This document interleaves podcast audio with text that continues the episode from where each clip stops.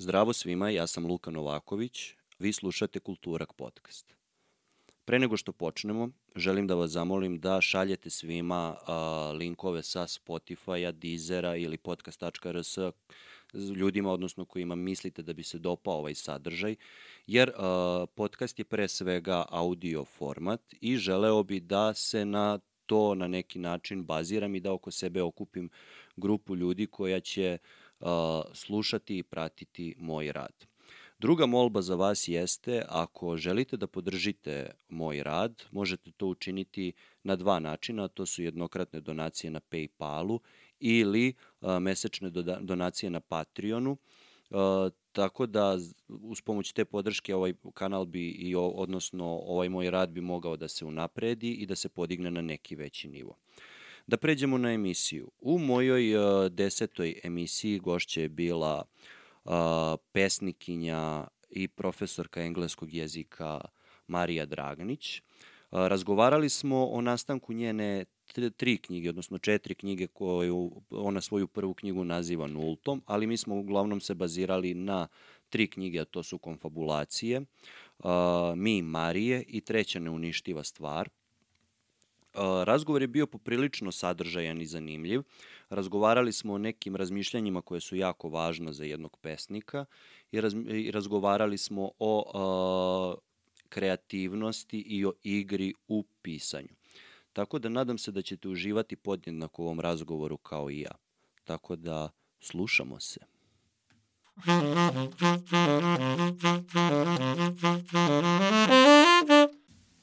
Marija? Dobar dan. Dobar dan, dobrodošla kod mene u podcast. Bolje te našla. Kako si? O, dobro. Dobro, ček, op, ovo nismo videli. si dobro? Dobro, dobro. Uh, drago mi je što si došla kod mene u Obrenovac, čak do ovde. Uh, ja inače tebe znam od ranije, ti, mi smo se danas eto zvanično upoznali kao pesnikinju, čija sam dela pročito ima pa otprilike oko godinu dana kada je izašla tvoja prva zbirka.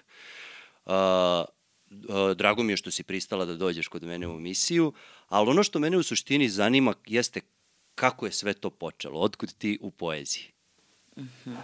A, dobro, prvo hvala ti jer se osjećam kao lijepo primljen gost u Brenovcu i ovdje kod tebe u studiju. Nema na čemu. O, pa počelo, kako je sve to počelo u mom životu, jako davno. Uh -huh. A, zapravo, a, sjećam se Uh, pošto moj tata i mama, oni su se upoznali na fakultetu u Rudarskom u Boru i ja sam studentsko dijete. Dobro. I uh, tata je u to vrijeme stalno govorio stihove Vitomira Nikolića. Dobro. Uh, koji je nikšićki pjesnik, za kog bih voljela da se čuje i više i šire. Uh, jer je negdje uh, uticao uopšte uh, na uobličavanje mog uha za poeziju tim svojim melodičnim pjesmama, rimama, jeli, koje je tata meni recitovao i to mi je bilo jako privlačno. I sad još dijete kad čuje tako nešto ritmično, lijepo, ja sam mislila to je jezik koji ja hoću da govorim. Ali po, po, poezija je jako zanimljiva zato što ima dva aspekta. To je taj, uh, što si rekla, moraš da imaš uho, odnosno auditivni deo poezije, kada se poezija sluša, kada se govori i ima taj moment vizualni, odnosno čitanja. I obe perspektive mogu da budu totalno različite, odnosno da ti imaš totalno različit uh, osjećaj za jednu pesmu. Uh, Da li si onda promenila doživljaj kada si ušla u to da krećeš, da sagledavaš poeziju i vizuelno? A, nisam promijenila doživljaj, s obzirom da je moj prvi susret sa poezijom bio baš takav, dakle, prilično organski, nekako on ostaje tu do dan danas. A, jedino što se proširio u smislu i tog vizualnog između ostalog ima tu još slove koje pominješ i a, iz tog razloga veoma mi je bitno, recimo ja kad pišem, uh, kako pjesma i vizuelno izgleda, jer i na taj način nešto govorim. I ukoliko govorim slobodnim stihom ili uh, koju, koji god način drugi odabrala, uh, meni je važno da sačuvam tu muziku. Ona ne mora biti očigledna, kao što je to slučaj recimo ako u, se koristimo rimom, ali ona mora biti prisutna. Uh, makar dok ja to radim osjećam da to tako mora biti da je to neka vrsta potrebe. A, sad je taj vizuelni dio je eto bio još jedan dodatak za igru kad se su, susretneš onda sa poezijom na papiru jer ako ja želim da kažem nešto ako želim da postignem neku intimniju, ispovedniju atmosferu, ja ću dopustiti da ti stihovi na izgled i odlutaju malo dalje na papiru, ali u suštini možda želim da to liči na neki dnevnički zapis više nego inače ili da možda izgleda nemarnije da. nego što je, ali zapravo to a, samo još jedno sredstvo da ti što preciznije preneseš ono što želiš da kažeš. Mm -hmm. A, I ti si u suštini čula tu tvog oca kako govori poeziju i kako o, i ti si na neki način stvorila sklonost ka, ka njoj. A, poprilično romantičan jedan pristup. Sad, a, poezija, kako ti se čini danas poezija? Da li i dalje poezija ima taj neki romantičarski prizvuk koji je imala nekada? Uh, pa dobro, različite kategorije, romantičan, romantičarski. Da, da, izvini, pardon, da, da, da. Romantičan prizvuk. Da, da, mada su mi bliske obje, ne nužno u poetskom smislu. Da. ne, ne nužno u poetskom smislu, mislim da se ne bavim uh, romantizacijom u poeziji.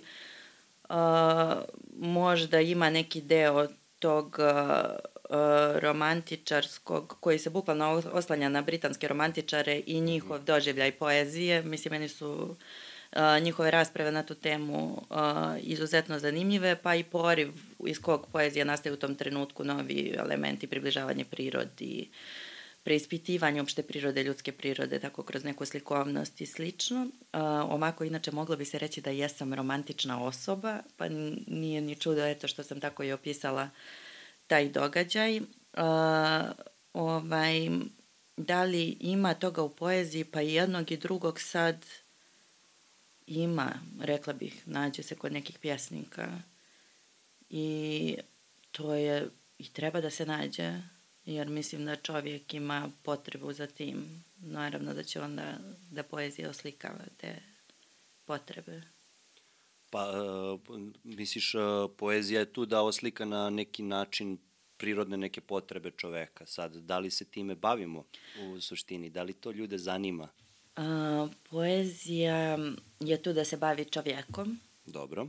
Pa između ostalog a, je odraz i prirodnih potreba, jel?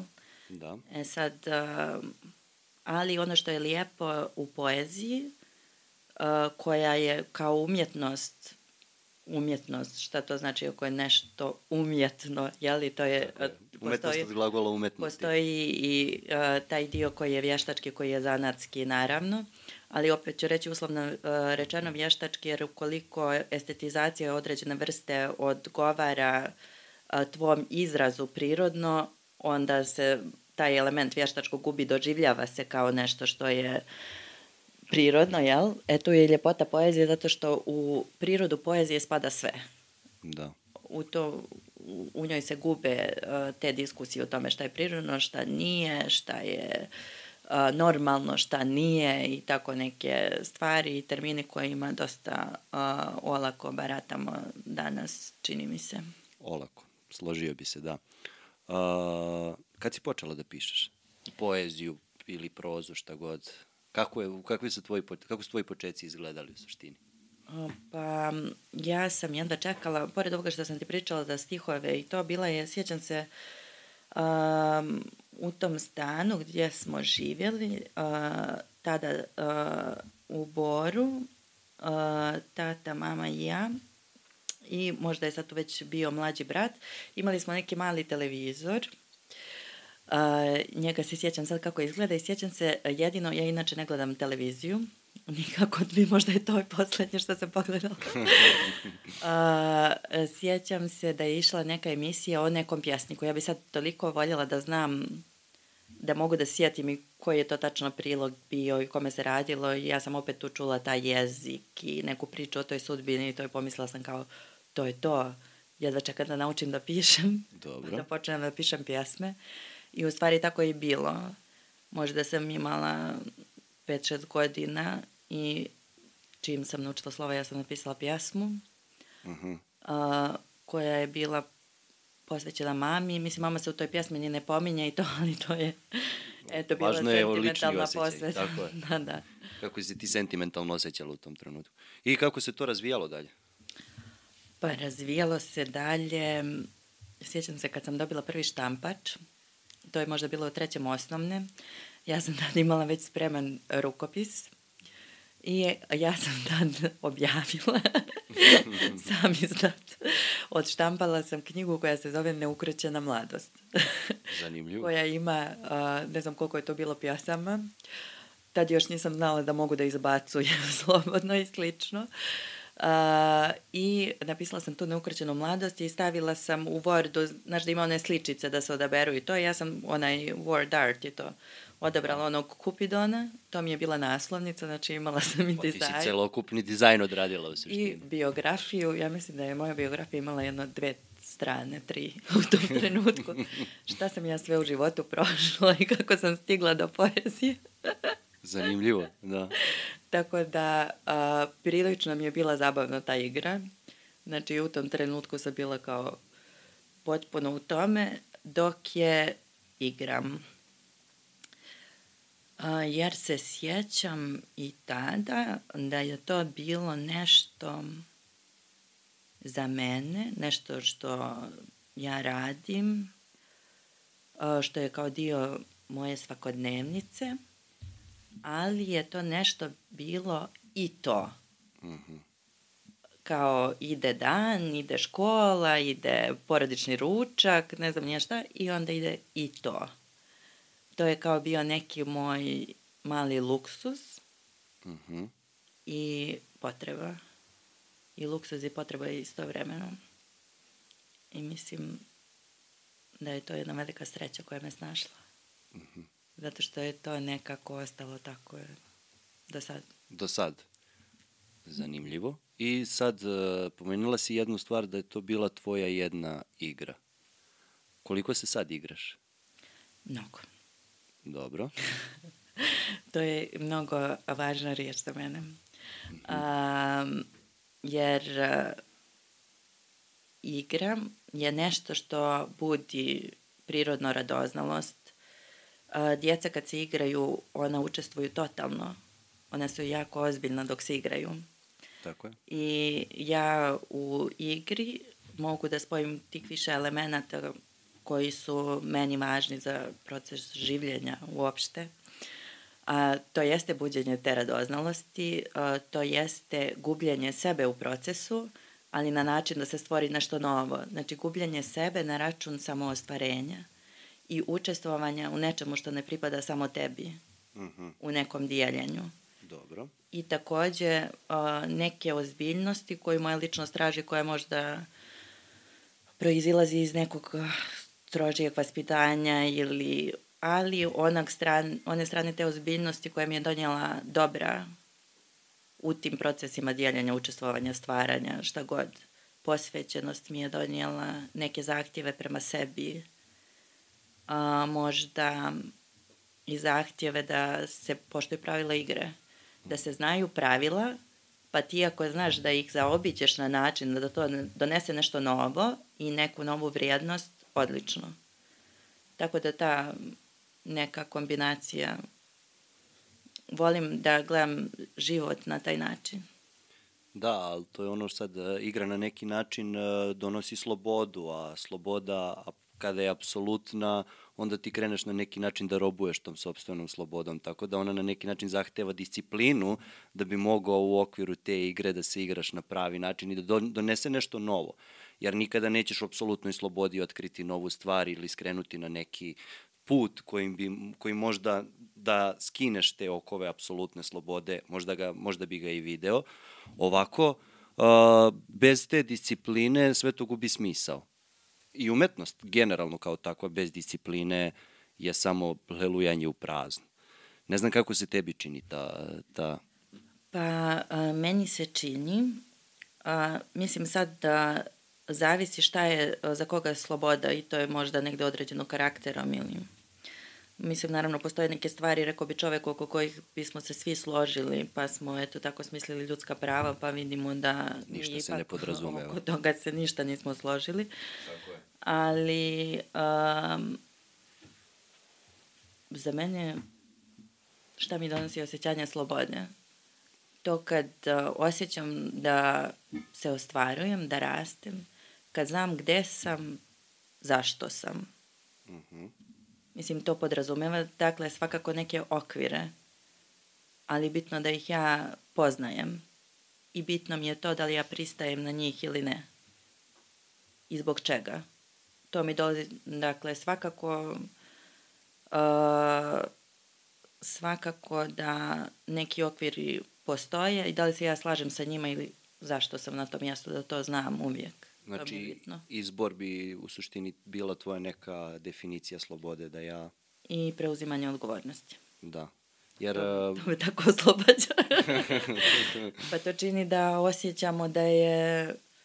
Uh, mu, da je ne, moje ja, moj život u mojim rukama. Da znam šta sam uradila, št, zašto. Da je moj život moj, da je pun, da stojim iza njega. Da. Ja se tad osjećam slobodno. E sad, možda neko drugi ima neku... Da, generalno ljudi vole da beže malo od preuzimanja odgovornosti, a to je onda na neki način sastavni deo a, igre, da Jeste. preuzmeš odgovornost za ono što si uradio. Tako je, tako je.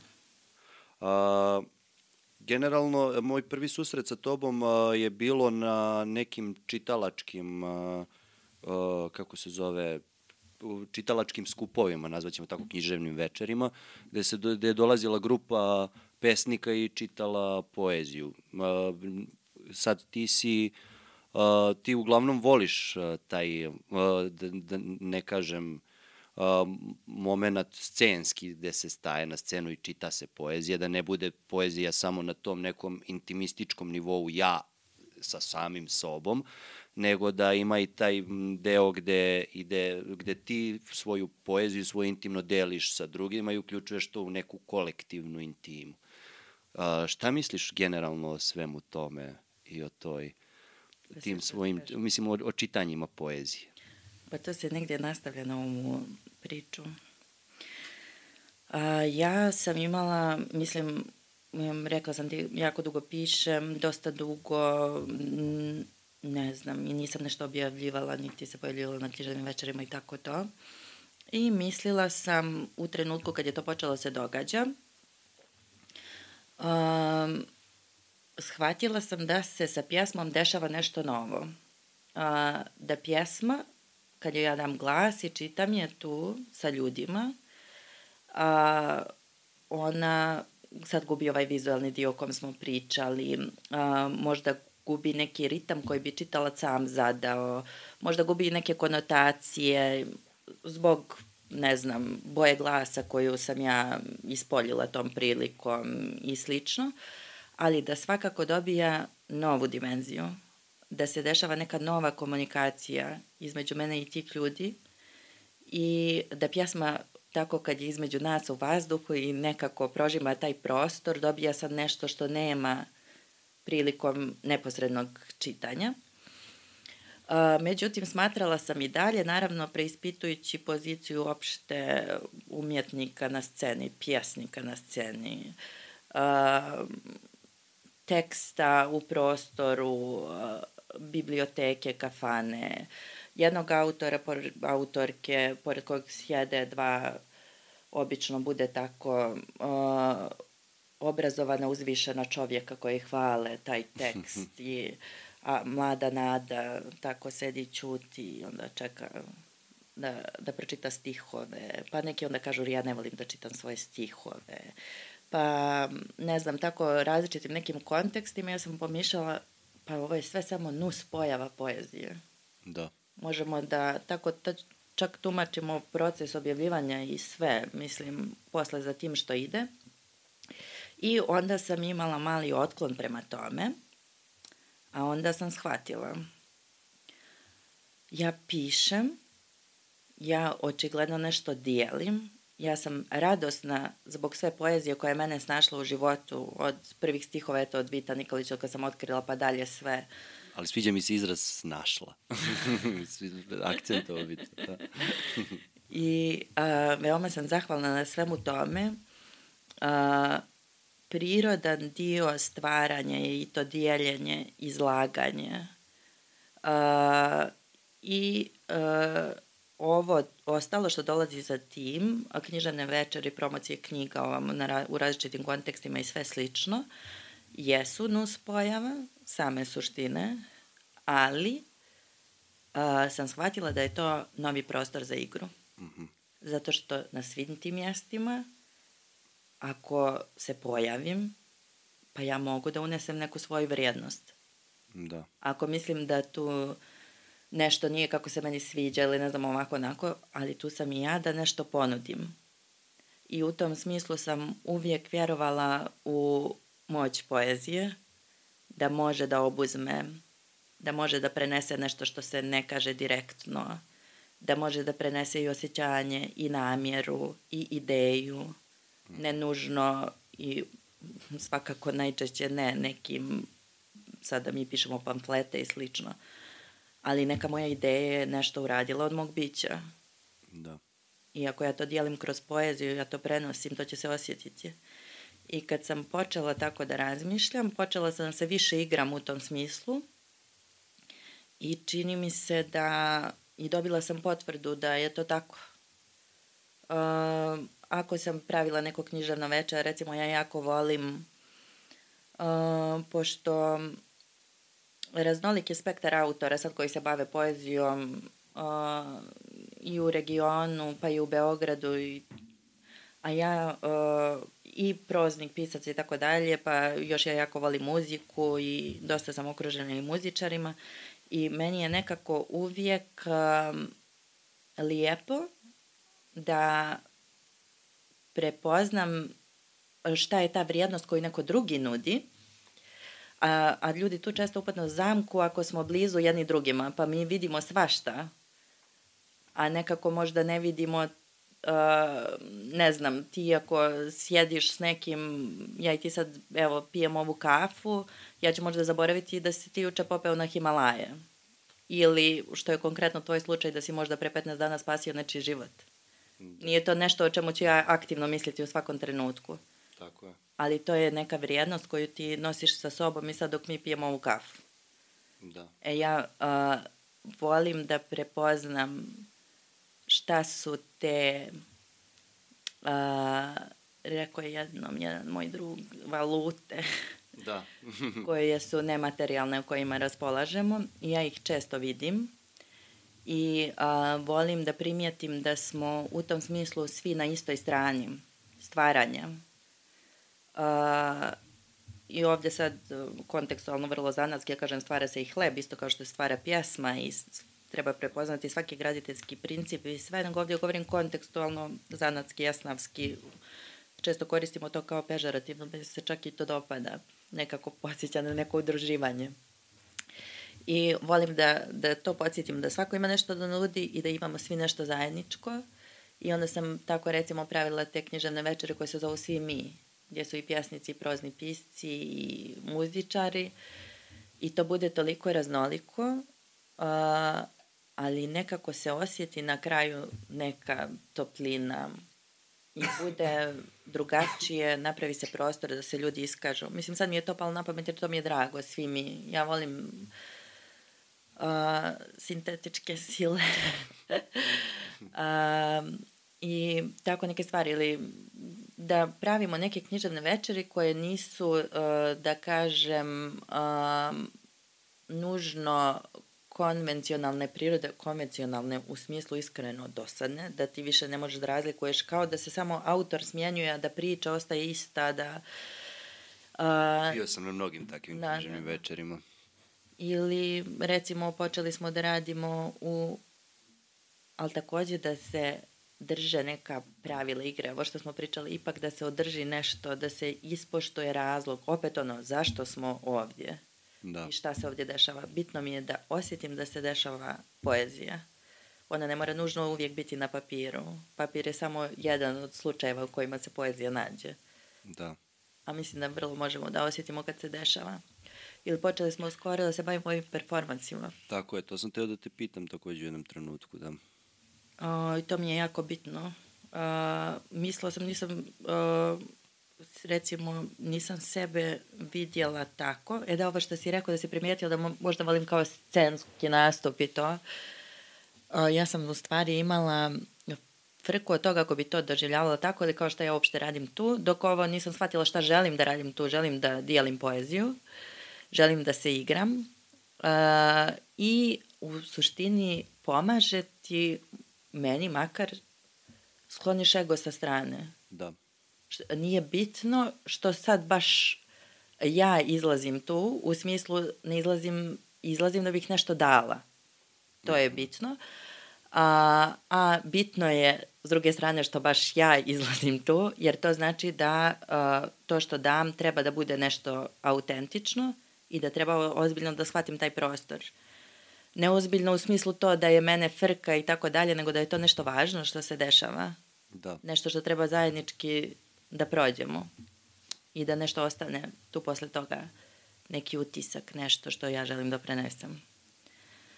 A, za performansima to mi je bilo fenomenalno jer ja sam mislila da a, performans sam po sebi je dovoljna forma sebi, poezija, uh, samoća je najekskluzivnija scena, ili tako je to što se dešava čitavcu dok čita, meni kao čitavcu dok čitam, to je jedno veliko bogatstvo.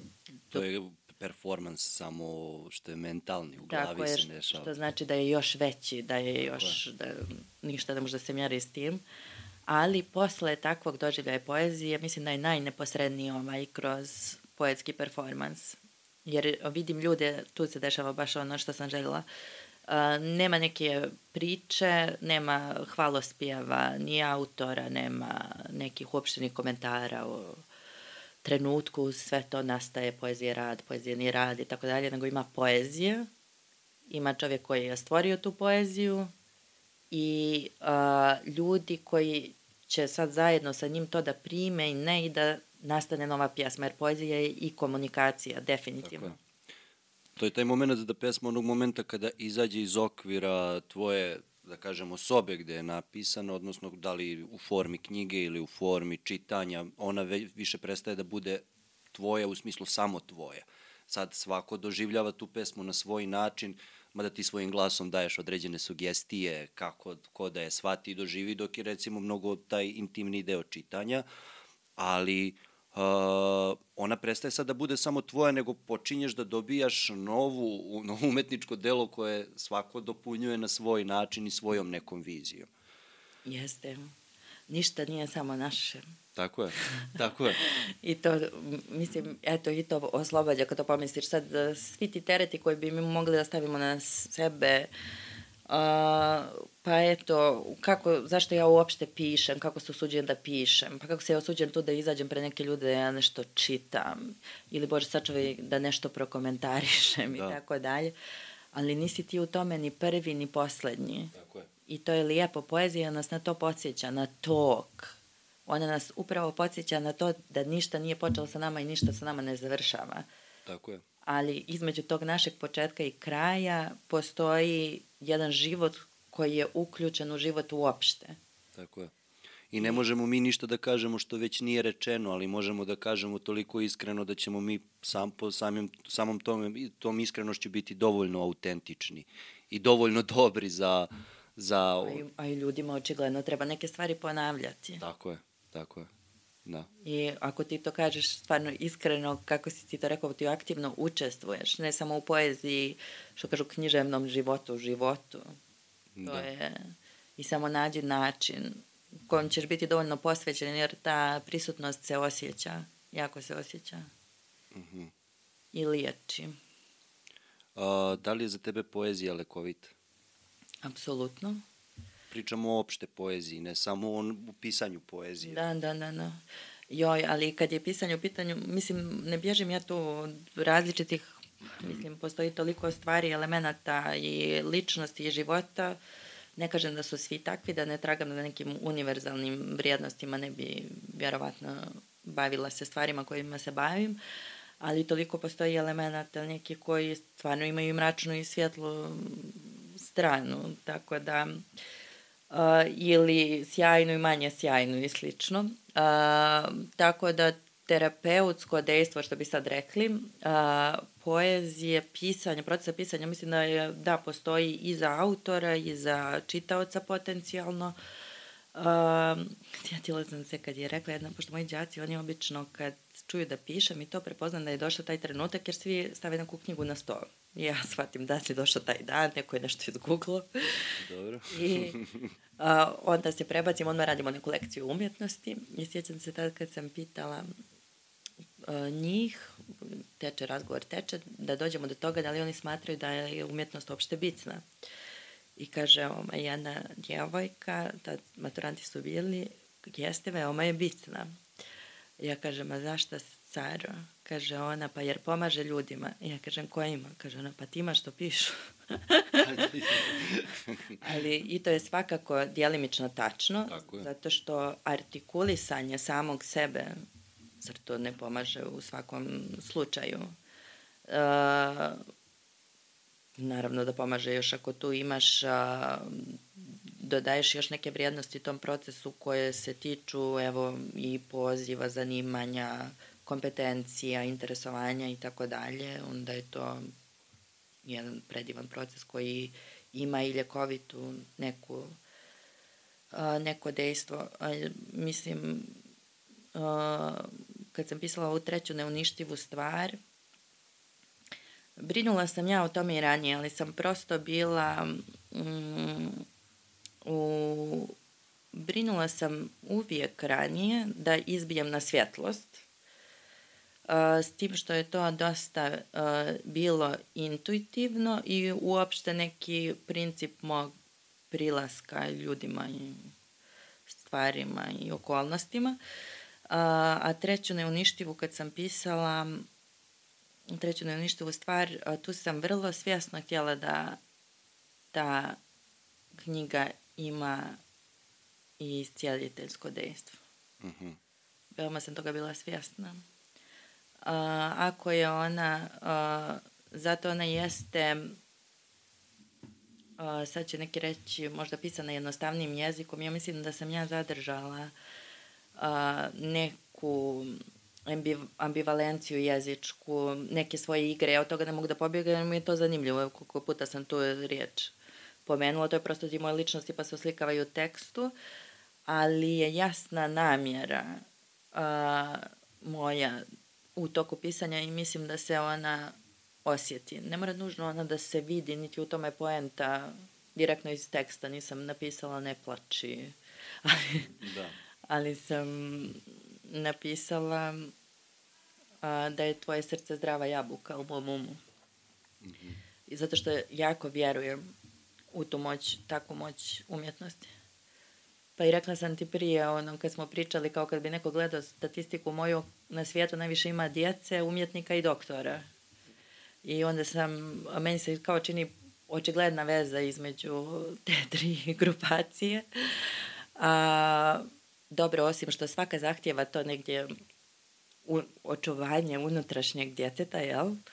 A, djeca su djeca, umjetnici bez toga ne mogu. Ja vjerujem ni doktori jer moraš na neki način tako pristupiti ljudima potpuno. Djeca ti pristupaju nekako potpuno.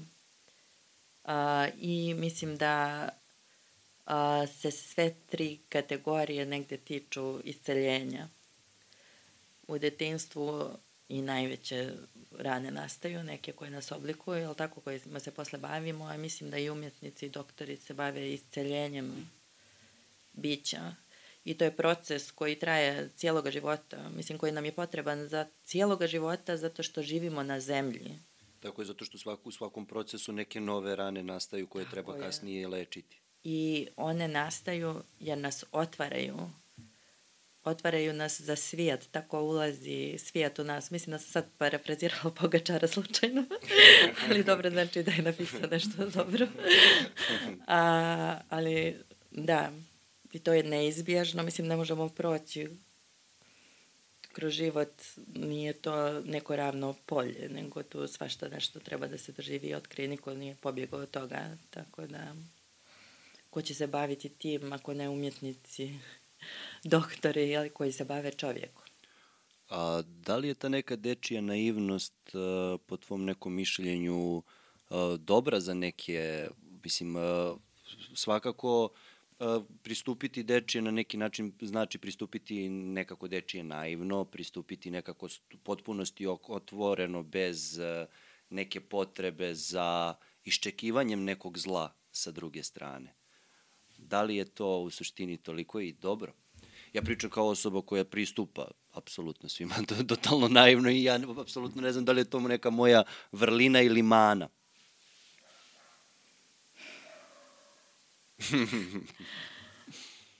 um,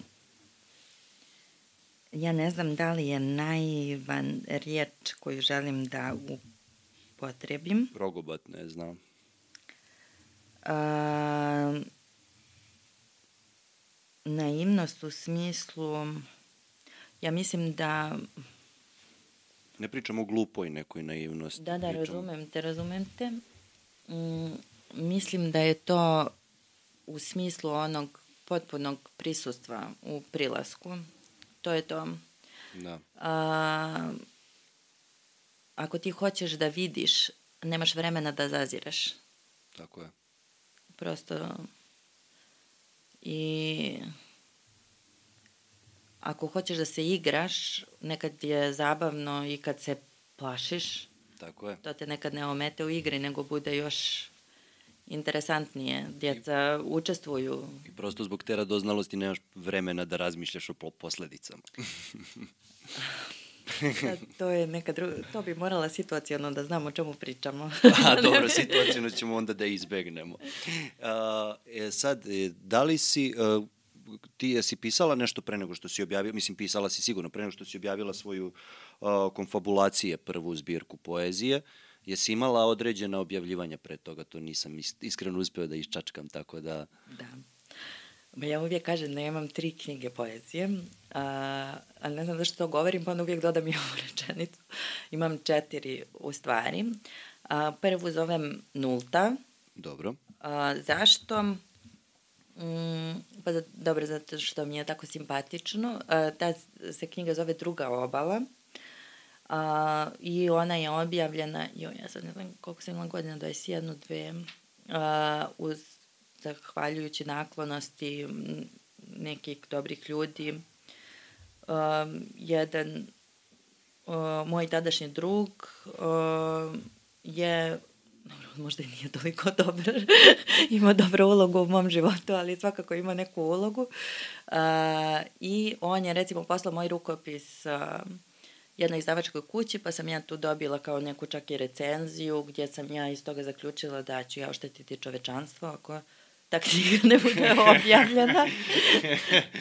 I to, šalim se naravno, ali godilo mi je. Godilo Zvuči mi je, skromno. da, mada sam više intuitivno osjetila, shvatila sam ja tada da to naravno nije savršeno, ja sam čak i tada radila na tom rukopisu, pa sam ja tu birala šta kom ciklusu treba pripada, kako da počne, kako da se završi, ali um, taj materijal koji sam ja raspolagala, on je bio dosta heterogen i to su bile pjesme još iz moje srednje škole pa do tog uh, trenutka tada. Nisu pisane namenski da stanu u, jednu, tako pod iste korice. Tako je, tako je i one mu nisu pisane da uopšte stanu u korice, mada ja nemam ni sad to opterećenje objavljenja. I dalje pišem, recimo, ja ne razmišljam o objavljivanju dok se ne desi prilika da se ono pa onda vidimo će li sad ili... Um, i ovaj, ali tada sam recimo intuitivno osjetila da je bitno da ta knjiga izađe. A, znala sam da ću naučiti. Znala sam da će mi biti potreban taj korak da to ipak ode od mene. Aha, evo sad imamo.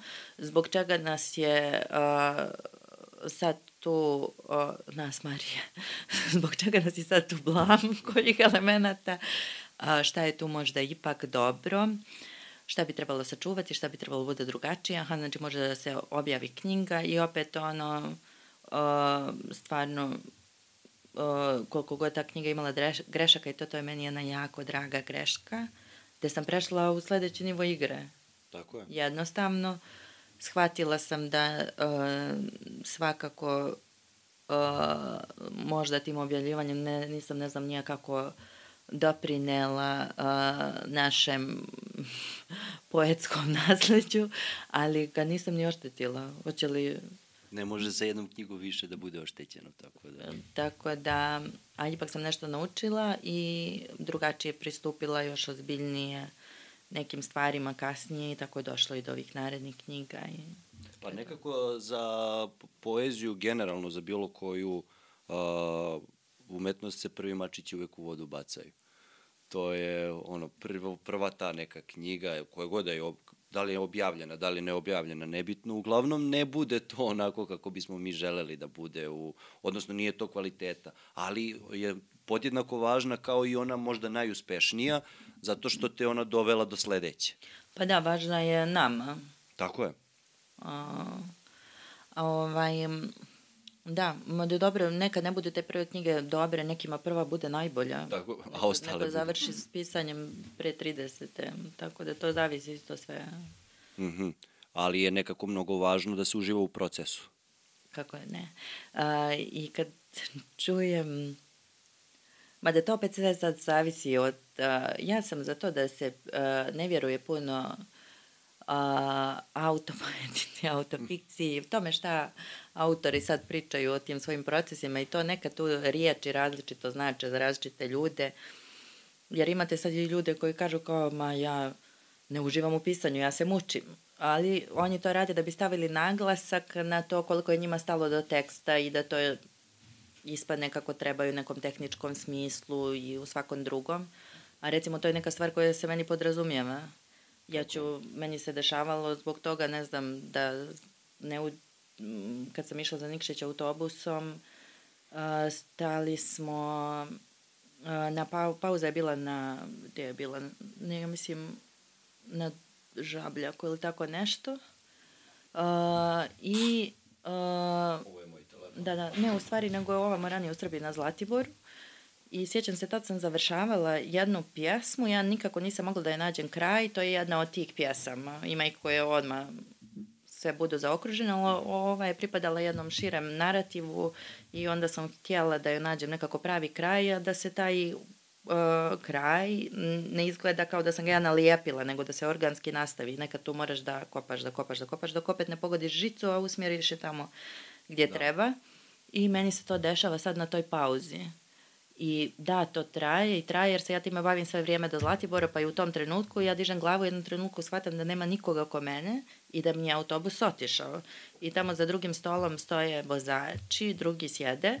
Ja ih pitam gdje, pa otišli su, ja rekao, dobro, ja izjurim, zaustavljam kamion, kamionom jurim autobus koji ne može da stane jer tu nema gdje da se zaustavi i tako neke stvari, na kraju upadam. Ne bi ga ja ni jurirala, nego mi je ostao laptop. Ovo sam radila na telefonu.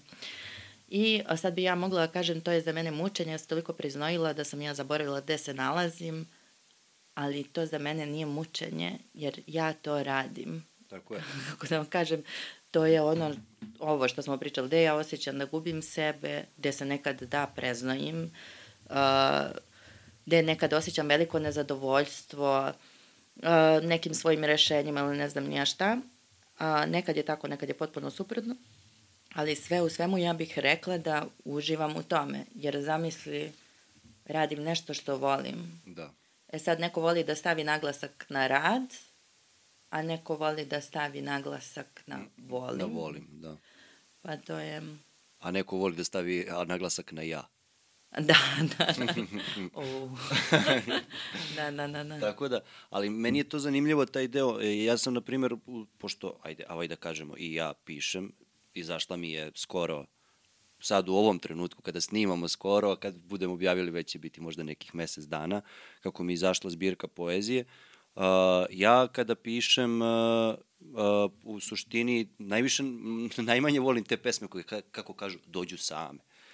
Tako nekako kako dođe, tako i odu. Se evo napisao, o, ovo je dobro i kao, ali stvarno bude dobra pesma, ali najviše volim te pesme oko kojih se mučim pod znacima navoda. Ja u tom trenutku se ne mučim, uh, što bi rekli, meni je mučenje ono, onaj moment dok ne počnem da pišem Da, da, pesmu, da, da. onog momenta kada krenem, jer ja pišem tako ono što je u tom trenutku aktuelno za mene, ta neka bol ili patnja ili radost, sve jedno zavisi od uh, emotivnog stanja u kom se u tom trenutku nalazim. Uh, kada vidim da ne znam gde idem, ali sam negde krenuo, pa i da vidimo, a u sad nemam sredinu, pa daj da ga dodamo tu malo, ovde da ga začinemo, ovde da ga oduzmemo, a sad nemam kraj, pa kako da ga završim, ja onda u suštini shvatim da u tome mnogo više uživam nego u ovim pesmama što samo prođu kroz mene, da, da, tako da. reći. Pa je, ti je igra i kopkaš tu nešto po sebi, pa i svojim mogućnostima i mogućnostima pjesme. Da, Tako da. je.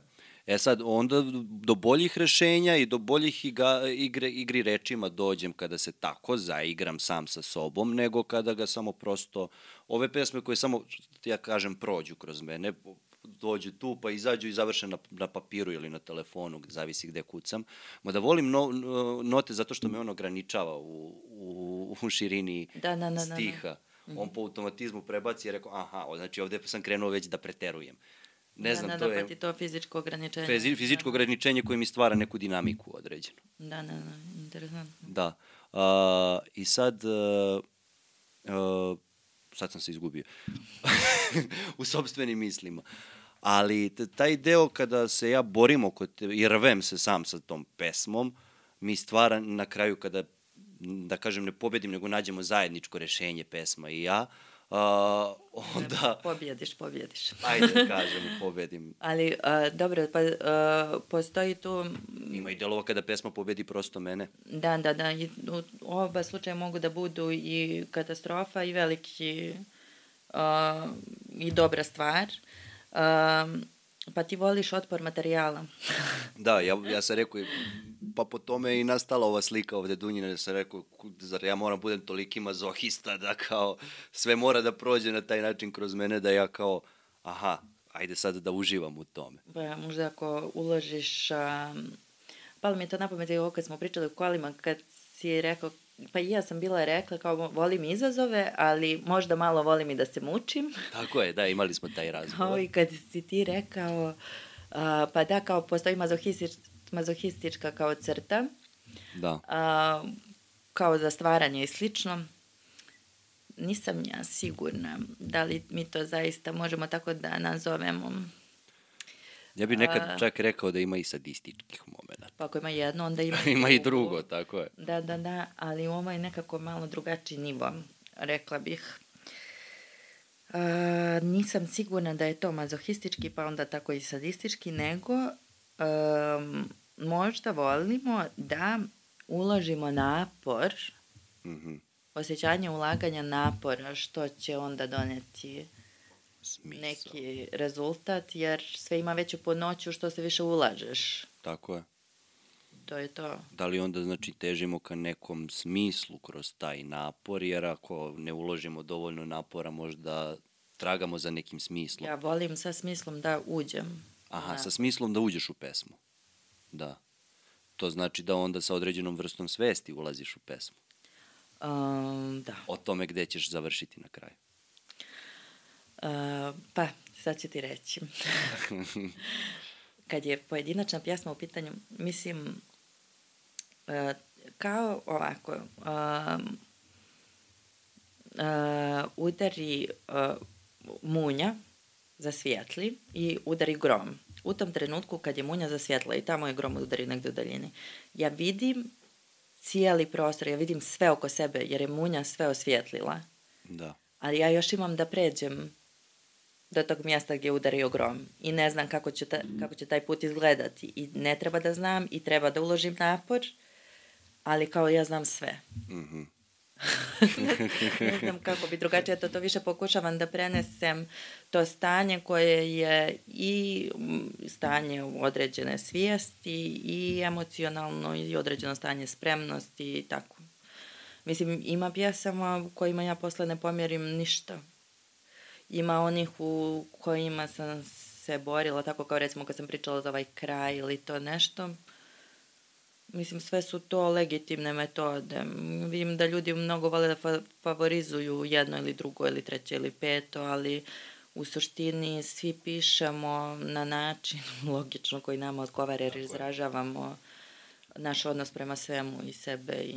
Ali to je ono, imam nekih pesama koje su tako instinktivno izašle da ih ne vredi popravljati, prosto ih ostaviš takve kakve jesu, dok ima pesama koje ja se ne namučim u pisanju, ali se zato namučim, boga mi, u onom drugom delu kada treba se štrihuje, da se reže, da se odbacuje, da dođem u onom momentu i evo te hoću dosta da ima u pesmu zbog pet dobrih rečenica, odbaci je celu.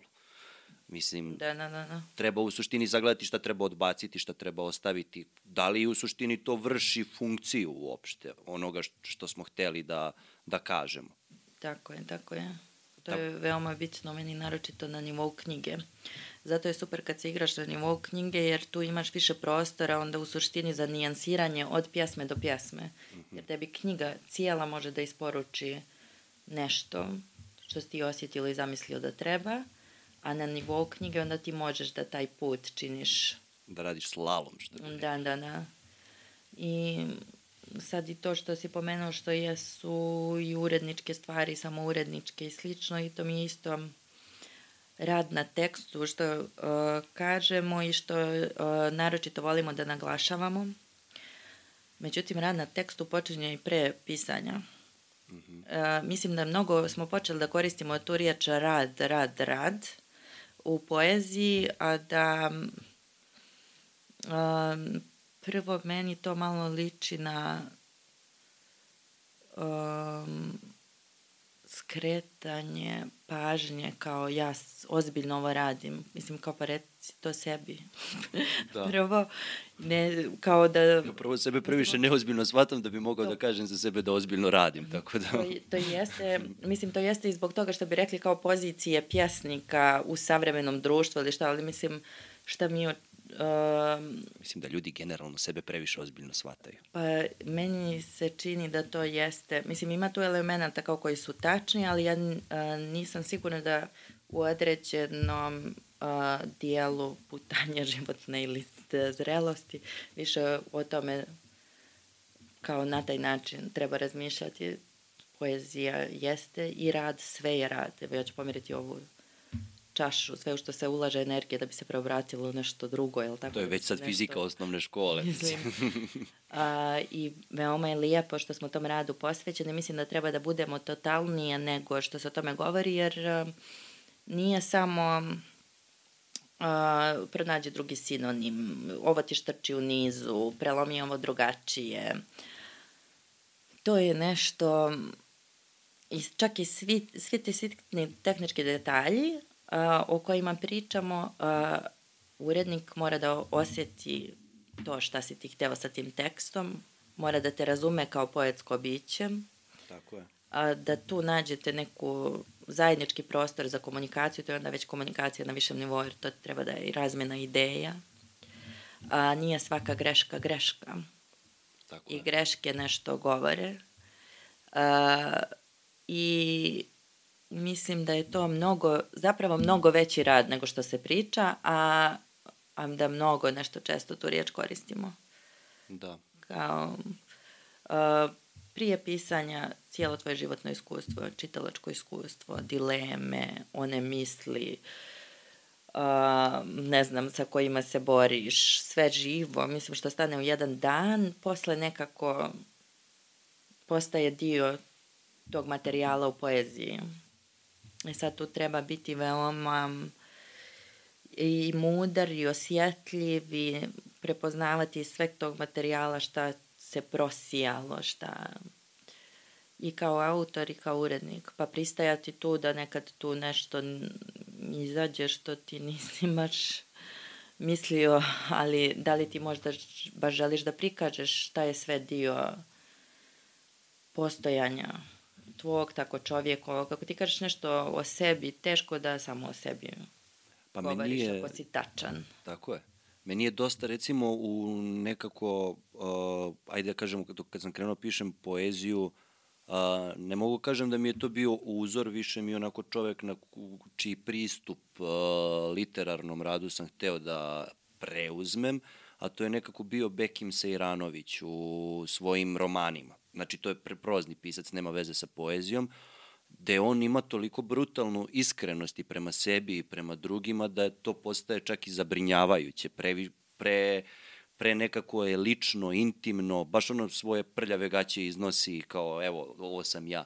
Ali je to toliko lepo da ja ne... Dobro je da si sad tako završio rečenicu, ali je to toliko lepo, to je tako bitno. da, da, da. Ne, nisam, ovo što sam rekao, baca prljave gaće, to uopšte nije negativan kontekst u celoj toj priči. Ali to, to je toliko... može da bude negativno. Može, ako se izvuče iz konteksta. Da, da, da. da. A, ali a, to je toliko lepo i toliko je oslobađajuće da sam ja rekao, pa da, ovo je ono što ja u suštini želim, koliko god to delovalo teatralno ili ne znam ja kako, ali čak i nije, nego je samo iskreno samo.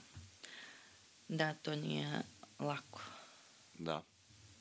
A, a nije ni teško? Sad bi neko rekao kao iskrenost nije književni uopšte termin ili tako to.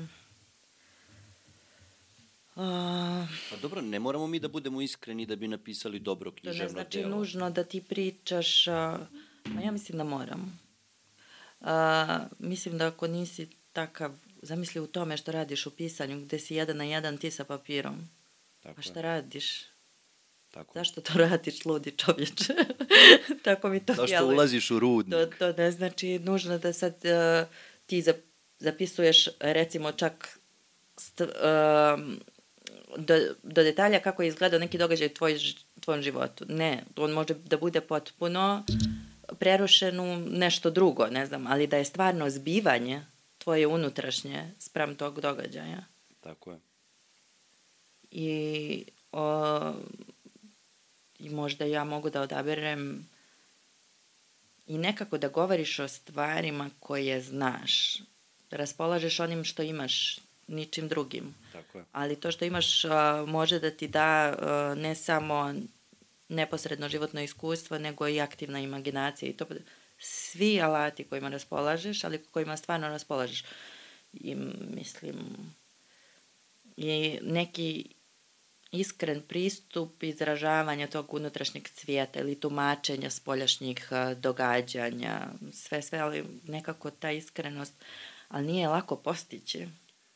Pa e, to je ono zato što na prvu loptu uh, uglavnom nismo iskreni sami prema sebi. Ono što prvo, prvo loptaški izađe iz nas to je neko opšte mesto koje ne bi tre, u suštini uglavnom u 90% slučajeva ne bi da generalizujem, ali u 90% slučajeva je to uh, ni, ni ono što mi hoće da se zalepi za nebitno. Ni ono što mi zaista ili mislimo ili jesmo ili zaista iskreno radimo. Jer to što ću ja da uzmem da odem od tačke A do tačke B, da ono što ja stvarno radim nije moja prava radnja. Ono što stoji iza toga i daje kontekst tog prelaska od tačke A do tačke B je možda mnogo iskrenije nego sama ta radnja. Sad, šta sam ja rekao? E, ne, ne, zamislila sam se zato što ima tu e, nekih riječi koje me ovako tjeraju više pravaca i onda... Slobodno, samo izvoli. Mislim, to kad kažeš za, za opšte mjeste, recimo,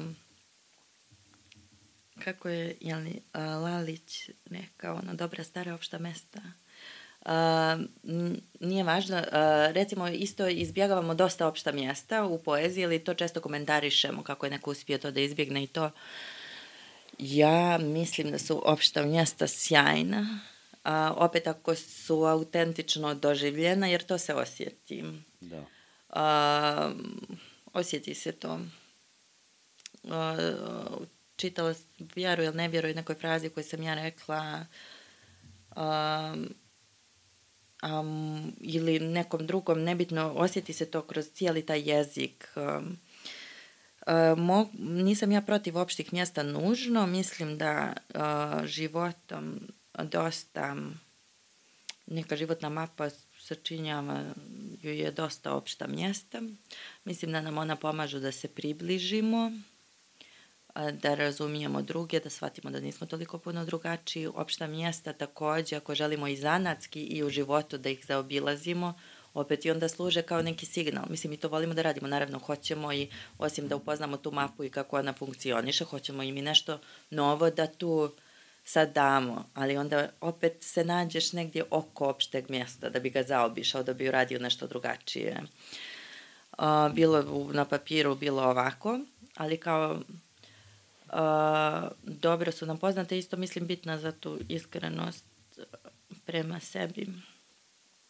A onda još iskrenost prema sebi, zamisli koliko je, sviđa mi se ono prije što si rekao rudnik. Da. Baš mi se to sviđa. Skoro smo imali u ponedjeljak jednu um, školsku priredbu. Koleginica je jedna organizovala konkurs umetničku čast. Prošle godine je bio prvi, ove godine drugi regionalni konkurs. To u 14. Beogradskoj gimnaziji se dešava i to je super jer se deca odazivaju zapravo i to imali smo tu neku veliku priredbu i tu je rekla um, jedna žena koja je bila u žiriju kako kažu naši, te ima zlata vredi kopati. Tako je. A, I a, zato mi je, i odmah sam pomislila na rudnik, mislim, a, m, mnogo mi se dopada rudnik poređenje jeste, da, da, da, jer osjećaš da negdje ima zlata u svem tom što doživljavaš ili ne znam nije šta i kopaš, kopaš. Mislim, na kraju istina je uvijek zlato. Da. Uvijek je zlato. Koliko god izgledao taj put do nje, a sad ta iskrenost prema sebi. I sad kao mi kažemo kao, ja kažem teško je biti iskren prema sebi, opet to je najlakša stvar na svijetu. Ali to sam... je opet ono osvajanje kao neke slobode, ali zamisli koliko Teško stoji... je početi, ali kad kreneš to da radiš, onda postaje neverovatno lako. Da, da, da. Pa čini mi se da to bude često, da negdje čovjek dok raste i to uradi jednu takvu stvar koja mu to donese i taj osjećaj i to. Da. A, I onda da želi da je radi češće. Kad prvi put doneseš takvu odluku, obično kad smo mladi ili to i onda kad vidiš kakav je to osjećaj i šta ti donosi, onda to želiš da ponavljaš. A, ali na konto iskrenosti prema sebi, to ja recimo pišem puno, osim što pišem poeziju, jel, pišem svašta nešto, pišem izveštaje, neke za školu pišem poruke, ja mislim sam osoba koja najviše piše svojim prijateljima, sve se nadajući da ih makar zabavljam. Um, ali sam pomislila isto, zamisli koliko je to riječi. No. Zamisli koja je to barijera koja treba da se probije. Tako je. Tako da vredi kad iskopamo nešto u tom rudniku i zato vredi pisati i objavljivati dijeliti, ali isto tako a, teško mi je a, i da kritikujem recimo druge koliko su iskreni prema sebi i tako dalje, jer zamisli kakvi su pisci. koliko je to riječi, koliko je to velova, koliko je to a nema ništa varljivije od riječi. Mislim da pišem poeziju između ostalog zato što bi ja voljela da jezik ne postoji. Jezik mislim da bi sve bilo mnogo jasnije. Da se sporazumevamo na nivou pantomime. Dobro, sad i to je neki jezik, ali vrlo sličan bi bio zapravo ovome. Pa kako onda samo pogledima da se sporazumevamo? Ja volim. pogledima, postupcima. Dosta mi stvari osjetimo pre nego što se išta kaže. Mm -hmm. Misliš da na tom energetskom nivou, na nivou tog osjećaja, bez bilo kakvog pokreta možemo komunicirati? Pa mislim bez bilo kakvog pokreta. Možemo, nego je recimo ti, baš kad si rekao pantomima, to je nešto što prilično imitira, jel tako, jezik riječi. Jer... Dobro, nisam mislio na pantomimu direktno, nego, pa dobro, da, razumem. Okay. A manje kontrole, manje samo manipulacije i manipulacije. Jezik dozvoljava svašta. Da. A, mislim, svašta, ja ga zato i volim, jer to je jedno veliko bogatstvo i sredstvo za igru. Ali ja mislim da nije problem u tome uh, šta kažeš, nego kako kažeš. I zašto kažeš. Da, da mnogo veća manipulativnost sve, stoji iza toga... Sve je to bitno, sve je to bitno. Mnogo veća manipulativnost stoji iza toga kako određenu stvar kažeš nego šta kažeš tačno. A, primjećujem da je ljudima jako važno kako se kaže, to takođe može bude varljivo. A, mislim da je sve troje bitno. Šta kažeš, kako kažeš i zašto kažeš. Sve je veoma važno, naravno. E, I sad, pošto smo već pomenuli manipulativnost, ja se ježim više od uh, ovoga po društvenim mrežama i to, uh, mi se toliko bavimo uh, nekim uh, ne znam, primjećaš li, svi su, na koga god se malo naljutiš ili te nešto u životu zakačio, svi su veliki manipulatori i, uh, izvini, i različite, mislim, toliko sam toga slušala. A, Dobro, ja sam prvi manipulator. Pa da, da ne bude, mislim, termini ti... Um, služimo se mnogo nekim terminima, ne znam ni šta znače. Služimo se jedan... floskulama koje prosto gube, uh, gube ono Tako zbog je. čega su tu. Uh, mnogo, ja uh, recimo jako volim psihologiju, uh, analizu stvari na taj način i slično, uh, što je jako korisno kad je dobro. Opet za to treba još nešto drugo da bi bilo dobro, korisno je za književnost uvijek. Uh, ali ne volim psihologizaciju, mi sad sve živo psihologiziramo, koristimo se medicinskim terminima da opišemo emocije, a nemamo pojma, nismo ni stručni za to. Uh, sve nam je pozitivno, negativno, normalno, nenormalno, uh, manipulativno, nemanipulativno i tako neke stvari. To nekako mi se nimalo ne dopada. Uh, samo doprinosi je pa to evo recimo to jezik radi, zatrpavanje, zatrpavanje neku, kakve bre, o, kakvi se mi služimo u psihologizacijama, kako se osjećaš? Reci kako se osjećaš. Dobro. to, to mi je drago. Ali da prepoznamo tako neke, prvo da osjetimo, da se vratimo u tijelo, u situaciju, da znamo kako nam je, pa onda ćemo mi to ne znam, čitav spektar nekih riječi koje čini mi se samo nas udaljavaju. Ali to, ja mislim da je to posledica toga što smo mi krenuli ka spoznaji nekih o, eksternih, spoljnih stvari koje se oko nas dešavaju, a nismo krenuli suštinski iz iznu, iz, od iznutra, što bi rekli, od iznutra. Okay? Pa to je na neki iznutra. način opet izbjegavanje odgovornosti. Tako je. A u suštini, e, samim tim što nekoga ćemo da proglasimo manipulatorom, a možda to i nije bio, je prebačaj odgovornosti sa sebe na drugu osobu. Sa sebe zato što smo bili glupi na drugu osobu što je bila možda iskoristila priliku koju je mogla. jeste, jeste, nego sad, dobro, bilo mi što si te rekao, jer uh, mislim, to je tačno. Vrlo često slušam priču, mislim, uh, sad ovo što si rekao liči na ljubavnu situaciju, jel? ovaj. Ali zato što iz tog što konteksta sve, uglavnom svi prebacujemo. Ali to je tačno. Znači, Tako. ja sam toliko priča čula. Oh, moja bivša luda narcisoidna, moj bivši veliki manipulator i slično. Ajde, voleli ste se, niste se voleli, propalo, ne znam, mislim, to su stvari koje se dešavaju svima uvijek.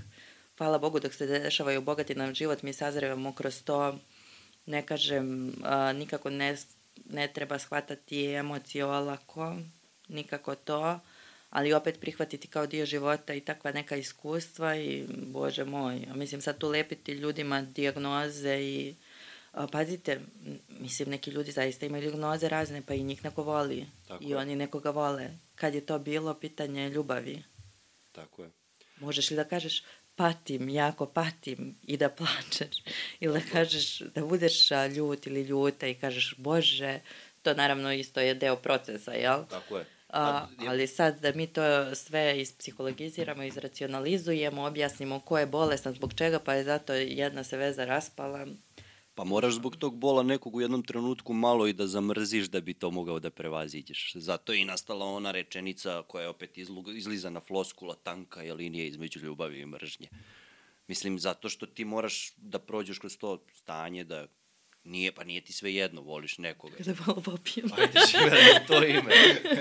u to ime. Hm. Ali to je, e, to je ono zato što m, a, ta, vraćamo se opet na tu odgovornost. Ja se, mislim, kao sad ovo je neka poluintimna stvar, ja se sećam kada me je ostavljala jedna devojka, da mi je rekla, de, molim te, napravi neki skandal. Rekao, pa jespa da ti olakšavam sad ovo.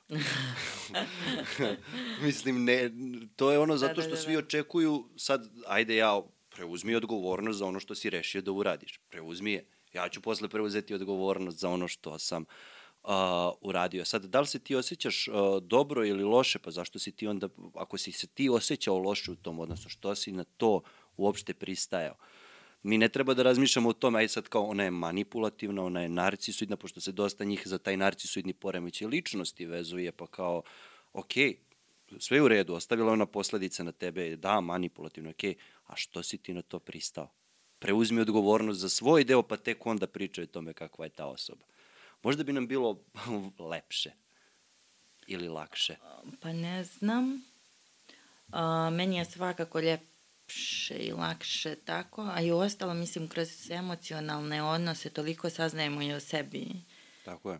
I tu i postoji neka vrijednost koja je ipak dublja malo od svih ovih slojeva riječi i neki put koji moramo da pređemo nešto što je um, i tu nije mjesto za sabiranje i oduzimanje. Tako je. Nije.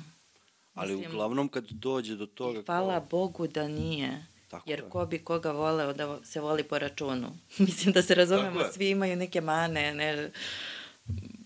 Mislim, ljubav je zato lijepa, zato što prevazilazi to. Um, mislim, i patnja je dio toga iz različitih razloga. Niko ne voli da nekoga izgubi. Tako je. Ali to je dokaz da je tu nešto lijepo postojalo. Pa, ne znam, ja sam o, u suštini u jednom, sad to, to je neka moja rečenica koja je bila u jednom jako teškom periodu života. Ja sam sad već u svojim podcastima pričao zašto više e, ne pijem alkohol i tako dalje i tako dalje. A, zbog preterivanja, ukratko, no, no, no. zbog preterivanja. Uh, I sad uh, u jednom trenutku uh, u jednom trenutku uh, sećam se sad kao, sad smo ušli već u filozofije, uh, u razgovoru sa mojom prijateljicom Dunjom i kao sad tu je neka patnja moja koju ja proživljam, ne mogu da se sretnim tačnih situacija i okolnosti zbog čega sam ja bio u tom trenutku uh, pod dejstvom uh, alkohola, gde kao boli, ja kažem Dunji, ali kao meni je sad lepo, kao boli me i lepo mi je. I kao, pa zašto? Pa kao, pa imam osjećaj da sam živ, kao. Ne znam, da. samo kao gledam tu neku vedriju stranu svega toga. Jer kao da me ne boli, kao šta bi onda, onda bi sve bilo jednolično, jednostavno, dosadno. Da. Možda i dosadno. A, ovako si osjetio pritom ovo da kažemo oprezno, jer a, opet a, te riječi znači različito različitim ljudima. Ja te potpuno razumijem sad šta si rekao, jer u tom smislu taj bol... Pa nek shvati ovo ko kako hoće. Ajde, svakako će shvatiti, naglasili mi to ili ne, oni će shvatiti onako, svako će shvatiti onako kako on to način, hoće. Ali to da probamo da preciziramo, kao čini mi se tu, mislim ti si srećan zbog uh, osjećanja u stvari. Tako je. Koje u tom trenutku ne mora nužno biti prijatno, ali ti ga osjećaš potpuno Tako I je. to je opet uh, ovo osjećanje učestvovanja u životu i to te čini da se Tako osjećaš je. i živi. Mi pritom osjećanje uh, patnje je prilično intenzivno Tako i ti je. onda naglasak stavljaš na taj intenzitet. Tako je. A, uh, I to mi je lijepo zato što je to ipak način radovanja. Pa radovanja. Ne u tom trenutku. Ne u tom trenutku, ali a već sagledavam neku širu sliku, jer e, onome što tek treba da dođe. Da, da, da. da. A, ali uh, to je ono sad uh, što bi gledao, uh, mislim, zašto mora sve u životu da bude uh, idealno i lepo? Ko, ko je nama to obeća u suštini, da ćemo u svakom trenutku biti srećni? Kako smo mi došli uopšte do toga da kao sve sagledavamo kroz te kratke periode sreće? Uglavnom je borba. Ti se boriš ka tom kratkom periodu sreće, ali zašto kao, ko je nama obećao da će sve da nam bude lepo, jednostavno, lako i zašto ne bismo onda prosto počeli da uživamo u procesu? E, tako je, ponekad nije jednostavno. Naravno, postoje situacije u životu da ti zaboraviš reč proces, kakav proces daj da preživimo ovaj dan, pa sledeći, pa sledeći. I to sve znamo. A, veoma je bitno, a, pričala sam isto sa mojim klincima kao to pozitivno razmišljanje. Da. A, isto čega se ježim. A, mislim da ježim se pozitivnog razmišljanja i lijepih misli, ali pozitivno razmišljanje nije. Um, sad ovo što imamo kao ti zamisli, šta treba da se dogodi i to i sad ti očekuješ kao tebi to da se dogodi, kao da ćeš tim, tim svojim pozitivnim mislima kao stići do nečega. Ti možeš da imaš naravno sliku nečega, neke svoje želje i slično i put određeni do toga gdje ti se svjesno ulažeš u taj put i biraš, hoćeš isto kao ovo za pisanje što smo pričali, hoćeš li pričati da uživaš ili da ti je teško i Tako slično, je. koja je tvoja perspektiva. A, I a, pozitivno razmišljanje u svakom trenutku nije moguće. Mislim, Tako. postoje stvari koje nisu pozitivne. Prosto je mm. stvar nekako i hormonski u organizmu. Ni, ne osjećamo se u svakom delu dana. Apsolutno. Koliko je pa, tako je, koliko promijenimo raspoloženje u toku dana, mislim, logično, kontekstualno i slično, mislim, i pa i hormonalno, kako si pomenuo, što je veoma bitno, što zaboravljamo negdje taj bazični nivo koji... Smo mi jedna velika hemijska reakcija, u suštini. A, m, svakako i jedna velika hemijska reakcija. A, I negdje pozitivno razmišljanje je valjda da i kad se dešavaju negativne stvari i kad se dešavaju emocije koje nisu prijatne i kad da znaš da a, nije kraj. Proći će. Da nisi sam, ni u čemu što ti se dešava. Nekome se desilo, nekome se dešava sad kad i tebi. Neko je bukvalno tu možda prisutan. A, I da, da nisi sam i da nije kraj. A šta misliš o samoći? Neophodna, ne pomislila. Meni je bukvalno fizički neophodna samoća na određene periode na dnevnom nivou. Ja toga nemam. Ja, a, mislim, pošto sam ovo što sam ti pričala, veoma mi je bitno da sam uključena, da sam korisna, da dijelim neke ključne riječi, ali mi je potrebno na dnevnom nivou da imam te periode samoće, da ja mogu da se napunim, baš da bi mogla, da bi imala šta dalje da, ne znam, dam ljudima. Ako sam uskraćena da to osjetim jako brzo i fizičku iscrpljenost i, i svake druge vrste, A, pa tako eto, samoća. Na neki način, ako pomislimo da je svako sam, to može da nas približi ljudima, mm -hmm. pa da umanji tu samoću. Rekla bi tako, mislim u neku ruku jeste svako sam, a, u drugu ruku niko nije sam, zato što ja sam rekla u jednu ruku, u drugu ruku. jednu ruku jedna jabuka, u drugu druga. U jedan, da, na jednu stranu voće, na drugu kora. A, s druge strane, niko nije sam zato što nije, meni um, čovjek nije sam. Njegov život a, pripada svima, gdje on to da prizna ili ne.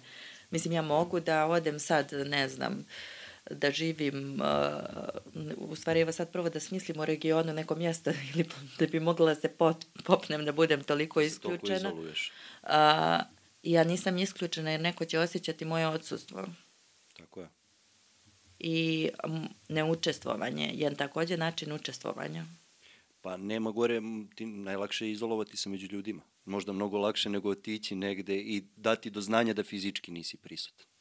Uh, znaš kako, nije da se to ne dešava, mislim, i izolovanost među ljudima u nekim situacijama te to i zaštiti, nekad prosto nemaš kapacitet nego tako da se postaviš, um, to je sve okej, okay, nego situacijono. Da. Ali inače to kao konceptualno samoći, svako je sam i niko od nas nije sam, čovjek nije sam i svi smo u duši svijeta. Tako je. Hm, zanimljivo. Kako je došlo do prve uh, zbirke poezije? Um, da, to pričala sam ti za onu nultu. Tako je. Uh, prva... Pa smo otišli u digresiju, jednu da, veliku, da, tako da. ćemo ga nazvati. uh, prva, pa ništa, ja sam nastavila da pišem. Uh, ja uvijek imam makar par rukopisa neobjavljenih, tako je i sad. Uh, ili recimo imam zavisi to sve i od životnih okolnosti drugih u tom trenutku imam ja neki ciklus na kom radim četiri godine, ja ne znam hoće li se on nikad završiti da bude knjiga, ali ja znam kad krenem u pjasmu da li ona pripada u tom ciklusu, formalno, idejno, svakako je jasno. Uh, tad kad sam pisala konfabulacije, imala sam još jedan rukopis, tad sam smatrala da on nije dovoljno slojevit, jer dosta se bavio jezikom, samim, tako sam se igrala tim jezikom, mm, igrala sam se jezikom nekom pozicijom dosta buntovnom ženskom. I uh, bio je čak i formalno kratak. I nešto, ja sam taj rukopis ostavila, nisam htjela da ga objavljujem, pisala sam još nešto i onda sam u tom trenutku pisala i konfabulacije. Šta se desilo sa konfabulacijama? One su me potpuno obuzele, bile su mi velika obsesija, ja sam osjećala a, da tada mučenje, a, ne mislim ja sad tu na proces pisanja, nego uopšte na mučenje a, nekim doživljajima u životu, kako ja sad da ih sebi i objasnim odakle dolaze neka moja osjećanja, postupci, šta to sve znači za moju dušu, iako je sad rizično reći to, jel? A, romantično, optužit će me svi. Oh.